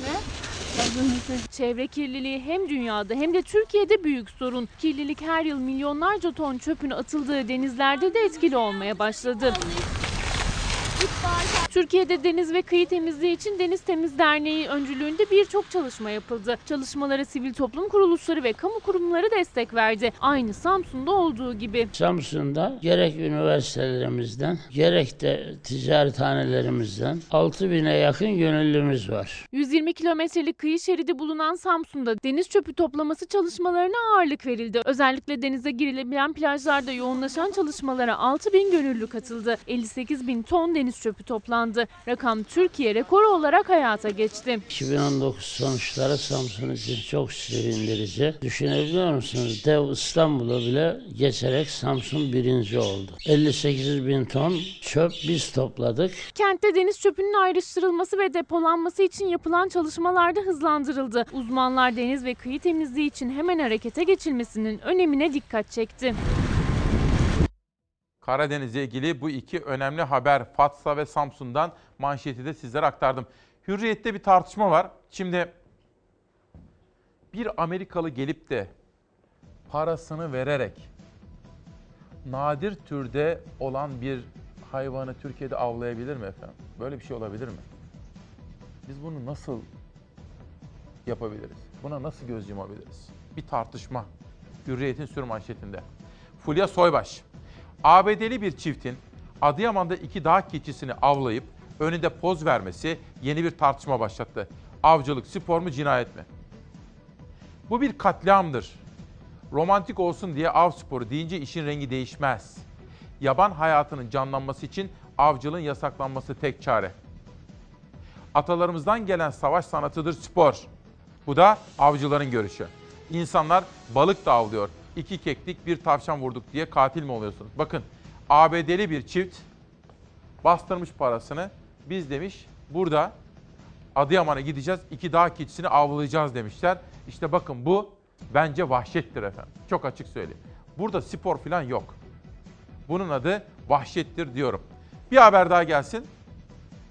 Osman Müftüoğlu hocam diyor ki koronaya karşı alınması gereken tedbirlerin başında sağlıklı beslenme varsa bir o kadar önemli ve hayati olan da hijyendir. Yani elimizi yıkamaktır diyor efendim. İşte korona ile ilgili önemli bir haber daha. Erzurum'da bir hastane korona için karantina hastanesine dönüştürüldü. Ağrı Doğu Beyazıt'ta ise Sahra Hastanesi kurulmasına karar verildi. İran'da artan koronavirüs tehlikesinden sonra yurdun doğusunda hazırlıklar hızlandı, tedbirler arttırıldı. Koronavirüs nedeniyle ölenlerin 19 kişiye yükseldiği İran'a komşu Van'da toplu ulaşım araçları da ilaçlanıyor. Her gün on binlerce vatandaşı taşıyan otobüsler dezenfekte ediliyor. Sadece yurdun en doğusunda değil, batıda bile yer yer önlemlerin sıklaştırıldığı yansıyor kameralara. Aydın'dan da geldi ilaçlama görüntüleri. Van ve Aydın Büyükşehir Belediyelerinden yapılan açıklamalarda toplu ulaşım araçlarında periyodik olarak dezenfekte işleminin devam edeceği duyuruldu. İran'dan gelen Türk vatandaşları içinde gözlemevi, misafirhane veya hastane ortamı da hazırlıkları planlandı. Bakanlık boyutunda alınan tedbirler arasındaysa Erzurum'da bir şehir hastanesinin dönüştürülmesi var. Sağlık Bakanı Fahrettin Koca açıkladı. Erzurum'da yapımı tamamlanan ve açılış yapılmaya hazırlanan 500 yataklı şehir hastanesi İran'dan gelebilecek Türk vatandaşları için karantina hastanesine dönüştürüldü. Ağrı Doğu Beyazıt'ta açılacak olan Sahra Hastanesi'nde ilk müdahaleleri yapılacak olan Türk vatandaşları 14 gün kontrol altına alınmaları gerekirse Erzurum'a sevk edilecek. Türk vatandaşlarının e, buraya Erzurum'a geleceği anlamına gelmiyor ama biz geleceklermiş gibi hazırlık içerisindeyiz. Erzurum valisi Okay Memiş geleceklermiş gibi hazırlıklarımızı tamamladık dedi. Devlet yetkililerinin hazırlıklarının yanı sıra kişiler bireysel olarak da önlem almaya başladı. Önlem alanların yanı sıra durumu fırsata çevirenlerden de haberler geldi yine. Ateş ölçer cihazlar ve medikal maskeler kara borsaya düştü. İstanbul'da bir eczane ellerinde maske ve ateş ölçer kalmadığını, her gün gelen yerli ve yabancı müşterilerin toplu alışveriş yaptığını anlattı. Bu bölgelerde eczanelere girip yani toplu halde ateş ölçer, maske ve e, bu sayede de tabii ki bu rantı üzerine insanlara fiyatları yükseltmeye başladılar. Günde kaç tane Çinli uğruyor size? 3-4. Her gün geliyorlar. Tabii tabii, tabii. bütün eczane dolaşıyor bizi değil ki. Normal bir günde 60-70 lira civarında olan bir ateş ölçerin fiyatının bugünlerde 250-300 liraya kadar çıktığını söylüyor eczacı Yılmaz İnanır. Medikal ürün satan esnaf da benzer bir durumla karşı karşıya. Maskeler virüs gelmeden kara borsaya düştü bile. Bu da lastikli maske. Onlar ne kadar? Onların da kutusu şu an 120 lira. Ne kadar pahalı? Yani daha önce 10 liraydı ama e, son zamanlarda maske Türkiye'de kalmadı. E, ithalatçılar da direkt yurt dışına geri göndermeye başladı ürünleri. Adıyaman'da bir medikal malzeme dükkanından görüntüler. Daha önce en fazla 10 liraya satılan en basit medikal maskenin bir kutusu 120 liraya yükseldi. %120'lik artışın sebebini piyasada maske kalmaması olarak açıkladı esnaf. Eskiden 3 lira 5 liraya sattığımız kutusunu sattığımız maskenin fiyatı şu an 120 lira. 50 liraya sattığımız ateş ölçerin fiyatı şu an 280 ile 350 arası değişiyor. Demek ki dolu dolu bir gün işte böyle. En büyük sorunumuz, siz söyleyin. En büyük sorunumuz nedir efendim? Bence iletişimsizlik, kutuplaşma. Böyle ikiye ayrılmış bir Türkiye tablosu. Ve çok değerli bir sanatçımız Ahmet Selçuk İlkan. Çok sevdiğim bir isimdir. Bir akrep sevdası. O da bana bu yeni çıkan kitabını bakın 10 yıl aradan sonra tanımaktan ve tanışmaktan onur duydum diyor sevgili dostum diyor. Estağfurullah biz de sizin kalbinizi sevgiyle saygıyla selamlıyoruz. Her sabah bizimledir. Çalar Saat ailesinin bir sanatçısıdır kendisi ve yakında da bu kitabı ile ilgili bir sunumu olacak efendim. Ben de imkanım el verir de vakit bulabilirsem mutlaka katılıp sizlere oradan bilgiler aktarmaya gayret edeceğim. Ve Pencere gazetesine geldi sıra bakalım neler var. Levent'te milyarlık araziye cami. Beşiktaş Levent'teki milyarlık arazide cami inşaatı başladı. Merkez Bankası'na ait olan 18.427 metrekarelik arazi, Beşiktaş Müftülüğü'nün talebi üzerine 2016 yılında İstanbul Büyükşehir Belediye Meclisi kararıyla ibadet alanı olarak kabul edilmişti. Banka imar planı değişikliğine karşı çıkmıştı diyor. Peki haberin içerisinde başka hangi unsurlar var? Kırmızı tarafa şöyle bir bakalım. AK Partili eski vekilin şirketi yapıyor. Levent'teki milyarlık araziye yapılan caminin inşaatını ASL İnşaat yapıyormuş. AK Parti eski Rize milletvekili olan Abdülkadir Kart'a ait olan bu şirket inşaatı gerçekleştiriyormuş. Başakşehir Stadyumu inşaatını da Kalyon grubu ile birlikte üstlenen ASL İnşaat aynı zamanda Türgev'in Kartal'daki Hayriye Cemal Gülbaran Kız Öğrenci Yurdu'nun da müteahhidi imiş. Pencere gazetesindeki manşetten bunu öğreniyoruz. Geçelim bir başka habere. Yurt mu iş merkezi mi? Türgev'in Manhattan'daki yurt binası görüntülendi. Geçtiğimiz ay Başkent Gaz'ın Kızılay üzerinden yaptığı 8 milyon dolarlık bağışla gündeme gelen Ensar Vakfı ve Türgev'in New York'taki öğrenci yurdunu CHP'nin ABD temsilcisi Yurter Özcan görüntüledi. Özcan, Ensar Vakfı ile Türgev'in ABD'de kurduğu ortak vakıf olan ve öğrenci yurdu olarak kullanılması amaçlanan Fürken Foundation inşaatını anlattığı bir video paylaştı. Özcan'ın verdiği bilgilere göre öğrenci yurdu olduğu iddia edilen bina New York'un en pahalı bölgelerinden biri olan Manhattan'da yapılıyor. ABD'nin en pahalı eyaleti olan New York'un en pahalı bölgesi olan Manhattan'da otellerin gecelik fiyatı 2000 lira, bölgede ev fiyatları ortalama 2,5 milyon lira diyor efendim. Pencere gazetesinden bir haber daha gelsin. Terör finansmanından suç duyurusu. Ankara Büyükşehir Belediyesi eski belediye başkanı Melik Gökçek'in de aralarında bulunduğu 7 kişi hakkında FETÖ'ye maddi menfaat sağlama ve terörizmin finansmanı suçlarını işledikleri gerekçesiyle suç duyurusunda bulunuldu. Peki şimdi bu çarpıcı haberi hep beraber dikkatle izliyoruz. Bir dosya hazırlıyoruz. 150'ye yakın terör örgütlerinin finans sağladığı iddia edilen ve Gökçek dönemindeki imar e, artışlarının hepsini ortaya çıkarıyoruz ve tüm sorumlular hakkında teröre finansmandan dolayı şikayette de bulunacağız. Gökçek'e yönelik FETÖ suçlaması yargıya taşındı. Ankara Büyükşehir Belediyesi eski başkan Melih Gökçek hakkında suç duyurusu yaptı. Seçimlerde oy isterken bu yapının kucağında oturmuştur. Ve bu yapıya Ankara'yı parsel parsel satmıştır. Terör suçları bürosuna verilen dosyaya göre Emniyet Genel Müdürlüğü 2008 yılında eğitim tesisi yapmak için Saray beldesinden arazi istedi. Ancak arazi TOKİ aracılığıyla ihaleye çıktı ve yönetiminde FETÖ'cü eski savcılar Şadan Sakınan, Mustafa Bilgili ve Firari Önder Aytaç gibi isimlerin olduğu bir kooperatif arsayı aldı. Önder Ateş ismini duymuşsunuzdur. Eski polis FETÖ'cü firari. Emrullah Uslu'yu da duymuşsunuzdur. O da öyle. Bunlar bir kooperatif kuruyorlar. Pursaklar'da bir arazi, imara açılamaz denen bir arazi, bir buçuk emsal veriliyor. Suç duyurusunda FETÖ'cülerin yönettiği kooperatife verilen arazide 7 kez imar değişikliği yapıldığı, çevredeki binalardan daha fazla inşaat izni verildiği ve bütün bunların Gökçek'in bilgisi dışında gerçekleşme ihtimalinin olmadığı belirtildi. Bu işler yıllardır Ankara'da özellikle cemaate mensup insanların organizasyonuyla şehrin en değerli yerlerinde Ankara Büyükşehir Belediyesi Melik Gökçek'i görevi kötüye kullanma, suç örgütüne yardım etme ve 15 Temmuz'a giden yolda terörün finansmanıyla suçladı. Ankara'da tabii şimdi geçen gün söylemiştim. Sosyal medya etkileşimine baktım. Çok paylaşım yapılmış. Gerçekten de bugün Ankara Büyükşehir Belediyesi Başkanı Mansur Yavaş böyle bir model çıktı ortaya. Yeni bir başkan modeli çıkıyor. Dikkatle de izliyorum ben de. Ne yapıyor, ne yapmıyor, verdiği sözler yerine getiriyor mu, getirmiyor mu? Son derece sessiz ama kararlı adımlarla gidiyor. Yani ilginç bir başkan modeli ortaya çıkıyor. O da benim dikkatimden kaçmıyor. Gökhan Sevim, İsmail Bey günaydın. Sınır kapısını kapatın. Uçuşları durdurun. Bitti mi? Bunlar kapıdan değil bacadan girer. Bir virüsten bahsediyoruz. Yeterli önlemler alındı mı? İran üzerinden Türkiye'ye geçen Afgan göçmenler o sayılar neden arttı diye bir bilgi. Antalya'dan Şebnem Hanım, Şebnem Bahar bir çalar saat annesi her sabah bizimledir. O kadar ki 7.15'ten 10'a kadar reklam dahil bizimledir. Diyor ki İsmail Bey hastaları hiç unutmazsınız. Bu arada kandiliniz mübarek olsun. Antalya Hürses gazetesinin sahibi, meslektaşınız Aile Çekiç'in eşi Bülent Çekiç uzun zamandır tıp fakültesinde yatıyor. Ve bugün bypass ameliyatı olacak. Siz, size bilgi vermek istedim diyor. Bülent Çekiç'e ve bütün hastalarımıza, başka ameliyat olacak hastalarımız da var. Onlara da şimdiden geçmişler olsun diyorum efendim. Yeni çıkan kitaplar. Can Polat Aras. Cebimde dün, aklımda yarın. Bu kitaplar efendim bana sahipleri tarafından yazılıp imzalanarak yollanılan kitaplar. Atatürk diyor ki Nutuk, Selahattin Güloğlu. Kendilerine teşekkür ediyorum. Bir de yerel gazetelerle Türkiye turuna çıkalım.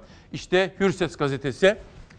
Kamu yararı gözetilmeden üniversitenin hissesi olan araziye yeni imar yasası öncesi jet hızıyla 12 bloklu 11 katlı rezidans yapılıyor. Ve Hürses gazetesi soruyor. Her şey para mı? Cumhurbaşkanı Erdoğan'ın diyoruz ki dikey mimari yok, yatay mimari var. Önce mescit, sonra sosyal donatı alanları yani okul, ardından oralarda çevrecilik, yeşillendirme ve bu arada da inşaların devamı. Bunu böyle yapacağız. AK Parti'nin çevrecilik ve şehircilik anlayışı bu. Bunu göstermemiz lazım demesine rağmen. Yani Erdoğan bütün bunları söylemesine rağmen üniversite ve caminin önüne TOKİ aracılığıyla yeni imar yasası öncesi 12 bloklu 11 katlı site izni çıktı. Fotoğrafa da şöyle bir dikkatle bakınız. Akdeniz'in en büyük camii, Akdeniz Üniversitesi giriş kapısı ve orada da 12 bloklu yine dikey mimari yapılıyormuş efendim. Bakın bu da çok çarpıcı değil mi? Hürses'ten yani Antalya'dan Akdeniz'den Ege'ye yeni asıra geçiyorum. Korona paniği birinci sayfada. Türkiye sınırına dayanan koronavirüsü Ege'nin iki kentinde paniğe neden oldu. Uşak'ta Tayland'dan tatilden dönen erkek hasta ile Manisa'da turist rehberi bir kadın yüksek ateş şikayetiyle hastanelere gitti. Bu kişilerdeki virüs şüphesi korku ve endişe yaratırken hastanelerde özel önlemler alındı diyor efendim. Bir de Galata Kule tartışması var efendim. Dün sizlere İstanbul Belediye Başkanı Ekrem İmamoğlu, Kültür ve Turizm Bakanı Mehmet Ersoy'a yönelik eleştiri ve çağrılarını aktarmıştık. Bugün söz sırası bakanda. Galata Kulesi İstanbul'un ilk meydanlarından Ceneviz Meydanı. Bizim amacımız meydanı eski canlı ortamına kavuşturmak. Opera bale olsun, güzel sanatlar olsun, düzenli aktivitelerini gerçekleştireceğiz. Yani orayı biz kültür meydanı haline getirmek istiyoruz. Tarihi Cenevizlilere kadar uzanan Galata Meydanı ve o meydanda yükselen İstanbul'un tarihi sembolü Galata Kulesi 31 Aralık'ta işletme süresi doldu. Vakıflar Genel Müdürlüğü'ne ait olan kulenin işletmesi İstanbul Büyükşehir Belediyesi'nden alınınca belediye yargıya gitti. Tekbili kıyafette geziyorum orayı sık sık. Ben işletmesini de çok beğenmiyorum. Yani içinde çakma sultan kıyafetleri bizim İstanbul için istemediğimiz görüntüler var. Turizm ve Kültür Bakanı Mehmet Ersoy Galata Kulesi'nde İstanbul'un kültür, turizm mirasına ve görüntüsüne yakışmayan görüntüler var dedi. Bakanlığında istenmeyen bu tabloyu değiştirmek, İstanbul'a yakışan kültür yolu projesini hayata geçirmek için attığı adımları tek tek anlattı. Atlas Pasajı Türkiye'nin ilk sinema müzesini hayata geçireceğiz. Kesin tarih veriyorum size. 1 Eylül itibarıyla artık sinema galalarını orada gerçekleştirmeye başlayacağız. Beyoğlu'na kırmızı halı atacağız. Emek sineması var. Uzlaşabilirsek devlet tiyatrolarının hizmetine vereceğiz. Ve her akşam orada devlet tiyatroları bir oyun sergileyecek. Bakan Mehmet Ersoy İstanbul için kültür yolu projesini Galata Meydanı'ndan başlattı, Beyoğlu'ndan geçirdi. Atatürk Kültür Merkezi'ne kadar uzattı. Atatürk Kültür Merkezi sadece bir opera bale salonu değil. Müzeler, kütüphaneler, kafeler, her türlü aktivite alanlarının olduğu bir kültür sokağı var. Yıl sonuna kadar binayı da inşaatını tamamlayıp hizmet almayı hedefliyoruz. Unutmamalıyız ki biz de bakanlık olarak hem İstanbul'dan hem İstanbul halkından karşı sorumluluklarımız var. Turizm Bakanı'nın Galata Kulesi için yargıya başvuran Ekrem İmamoğlu'na da bir çağrısı oldu. Ben bu projeye karşı çıkıp dava konusu etmek bana çok mantıklı gelmiyor. Benim zaten kimseyle bir iletişim sıkıntısı yok. Sayın Ekrem İmamoğlu ne zaman isterse benden randevu alabilir. E, Fikrime ihtiyaçları varsa her türlü desteği ve fikri de vermeye hazırım. Bu konuyu geçenlerde Ertuğrul Özkök, Fatih Altaylı ve sizin çalar saatinizde bakan anlatmıştı. Oradaki projeyi anlattı. Çok hakim konuya. Hatta Fatih Altaylı bazı öneri ve eleştirilerini de dile getirdi. Bakan da bunu da dikkate alalım dedi.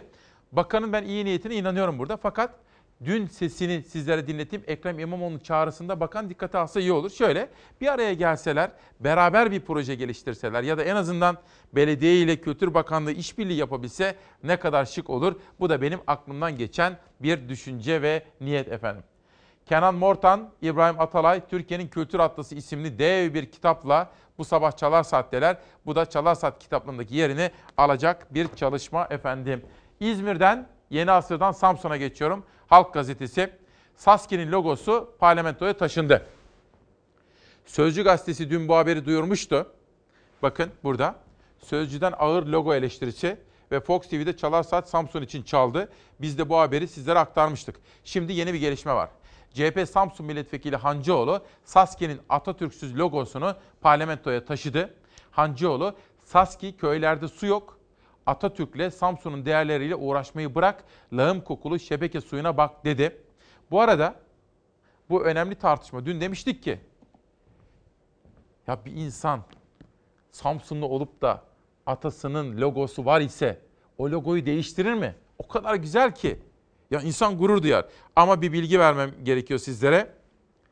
Mustafa Demir, belediye başkanı da diyor ki, şehrimizde iki gündür sosyal medya mecralarında ve bazı basın organlarında Samsun Büyükşehir Belediyesi eleştirilmekte ve Saski eleştirilmekte. Bu yayınlar asılsızdır. Atatürk'ün yer aldığı logo belediyemizin logosudur. Bugüne kadar logosu bulunmayan Saski için Aralık ayı içerisinde yeni logo çalışması yapılmıştır. Yani bir logo değişikliği söz konusu değildir. Atatürklü logo belediyenindir ve o öylece kalacaktır. Ancak Saski yeni bir logo yaptı diyor efendim. Bu da Samsun Büyükşehir Belediye Başkanı'nın görüşü. Ama kararı kamuoyu verecek ve Samsunlar verecek diyor. Ve halktan, Halk Gazetesi'nden Çanakkale'ye geçiyorum. Yer altında açlık grevi. Sabah ekip arkadaşlarım bu bilgiyi bana verdikleri zaman haberini de yapalım dedim. Çünkü hazır mı? Çok iyi. Hazırmış. İzleyelim. Şu anda e, 2019 Aralık ayının ocağın hala da maaşları duruyor. Bunları alabilmek için biz ocağa girip çıkmama kararı aldık. Kendilerini çalıştıkları madene kapattılar. 3 aydan beri alamadıkları maaşlarını işten atılan arkadaşlarının işe geri alınmasını talep ettiler. Çarşıdaki esnafa bile bir sürü borcumuz var. Borçlarımızı ödeyemiyoruz. Sıkıntımız var. Yüzlerine bakamıyoruz. Kiralar 3 ay birikti. Elektriği kimisi ödeyemeyen arkadaşlarımız birbirinden alıyor. Kiralar birikti. 3 aydır maaş alamayan işçilerin borçluları tek tek kapıya dayanmaya başladı. Çareyi sendikalı olmakta bulan işçiler maden yöneticilerinin sendikadan çıkmaları konusunda baskı uyguladığını söyledi. Yukarıdan çok büyük baskılar var bize. Müdürlerimiz, amirlerimize baskı yapıyor sendikada çıkın diye.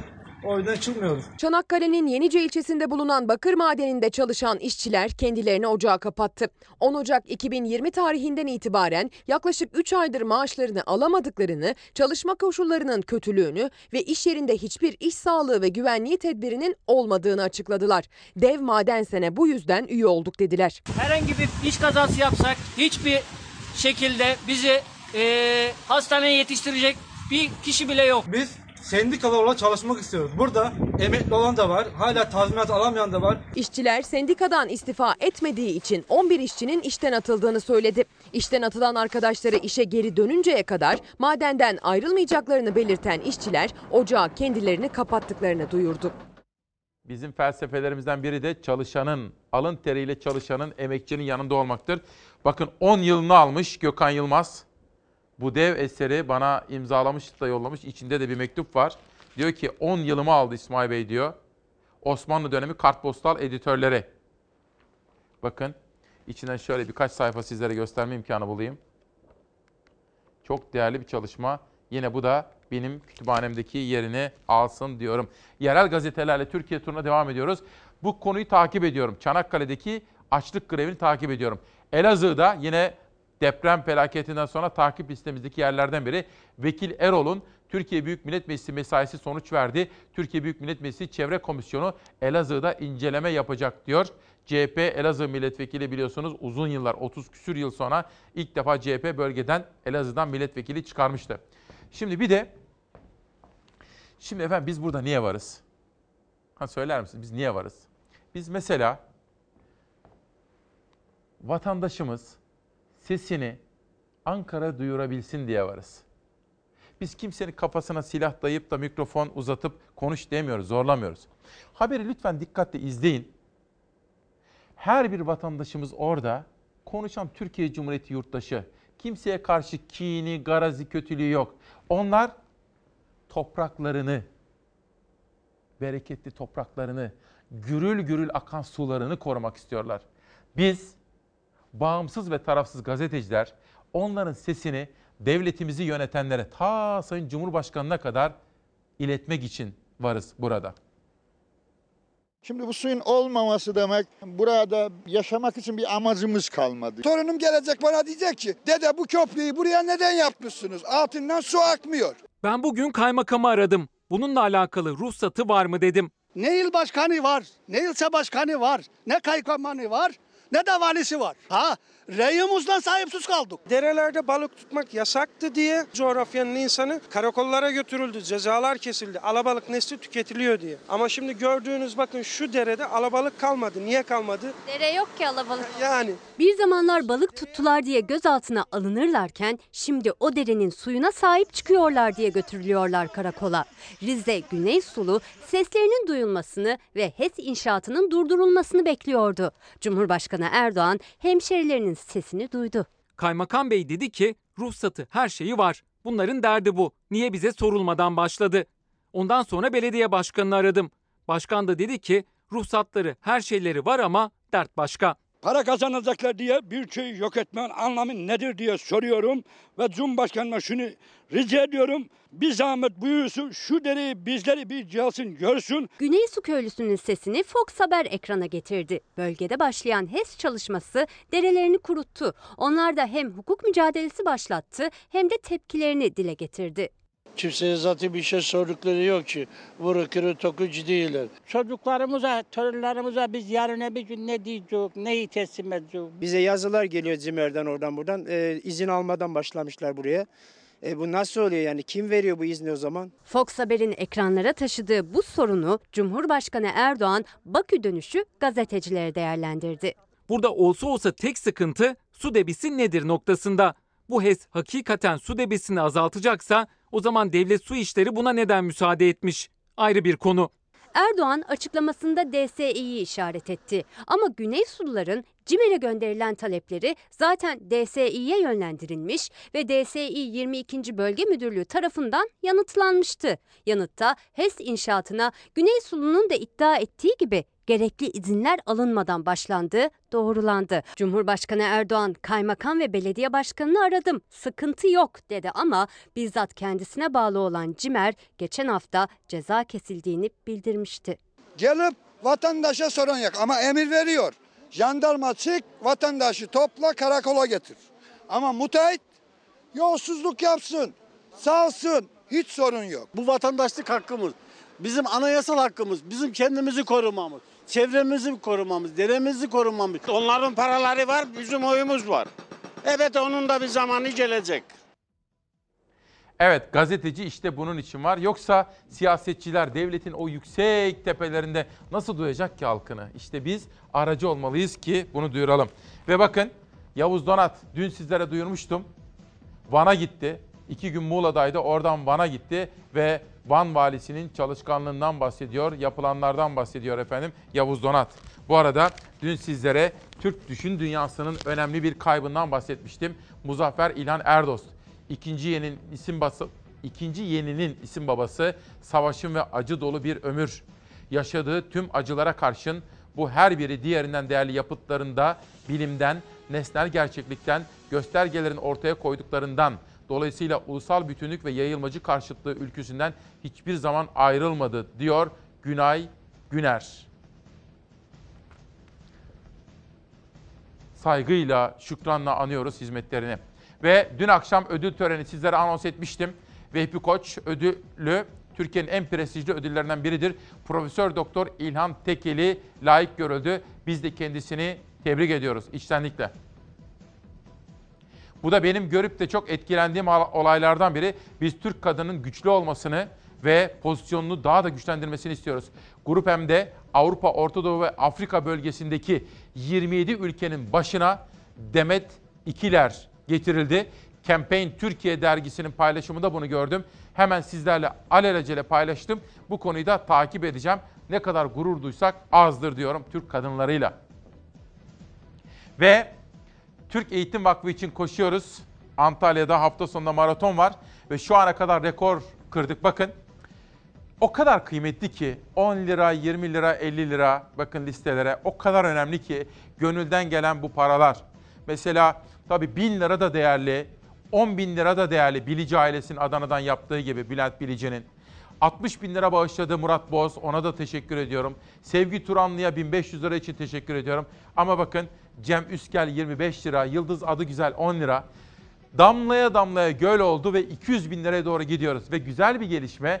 Karolin Koç Hanım dedi ki siz ne kadar toplarsanız ben de o kadar kız çocukları için bağış yapacağım. Yani şu anda biz diyelim 175 bin lira topladık. Bir o kadar da Karolin Hanım bağışlayacak efendim. Kızlarımız okusun diye. Ve bu arada dün sizlere bahsetmiştim. Bir sergi, daha doğrusu bir müze gezdim Çağlayan'da. Necat Çuadaroğlu. O sergiyi bana gezdirirken şöyle bir cümlesi oldu. İsmail Bey dedi, siz ki Atatürkçüsünüz, Cumhuriyetçisiniz. Bana söyler misiniz? Bizim böyle dört başı mağrur, böyle eksiksiz bir İstiklal Harbi Müzemiz neden yok diye sordu. Evet, bu nedir? Bu Atatürk'ün Maraşal üniforması. Gerçek. Gerçek, orijinal. Atatürk'ün Maraşal üniforması. Madalyası ona ait değil ama o biliyorsunuz e, bu madalyanın aynısını birçok e, subay kullanıyor zaten. Çünkü kendine ait olan madalyalar Anıtkabir'de. Atamız bu üniformayı giymiş değil mi? Evet. Bu sergi beni çok etkiledi. İçinde Osmanlı padişahları, milli mücadele kahramanları, mesela kadınlarımız var orada. Kara Fatma başta olmak üzere. Yani imkanı olanlar, İstanbul'a kadar gelebilenler mutlaka gezsinler efendim. Ben sosyal medyada da paylaşım yapıyorum. Son bir kitap tanıtımı daha doğrusu şimdi sade kahve molasına gideceğim. Daha sonra aranıza geri döneceğim. Zamanı yakalayan ofisler Şebnem Toker'den geldi ve Azat Ziya Eren Diyarbakır doğumlu gencecik bir şair ama o kadar güçlü bir ses var ki acıdan başka giysisi olmayanlar acıdan başka giysisi olmayanlar acıdan başka çıplaklık bilmezler. Evlerini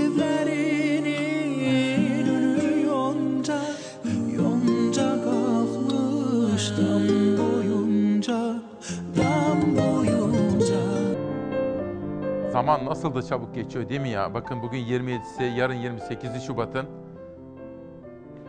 Kocaman Şubat'ı da devirdik. İsmail Küçükkaya ile Demokrasi Meydanı'ndaydınız efendim. En büyük sorunumuz dedik. Bence en büyük sorunumuz iletişimsizlik. İletişim kurmayı öğrenmemiz gerekiyor. Ve bugünü de kitaplarla kapatmak isterim. Hasan Torun, İmsak Kılıç, Üşüyen Sevgi.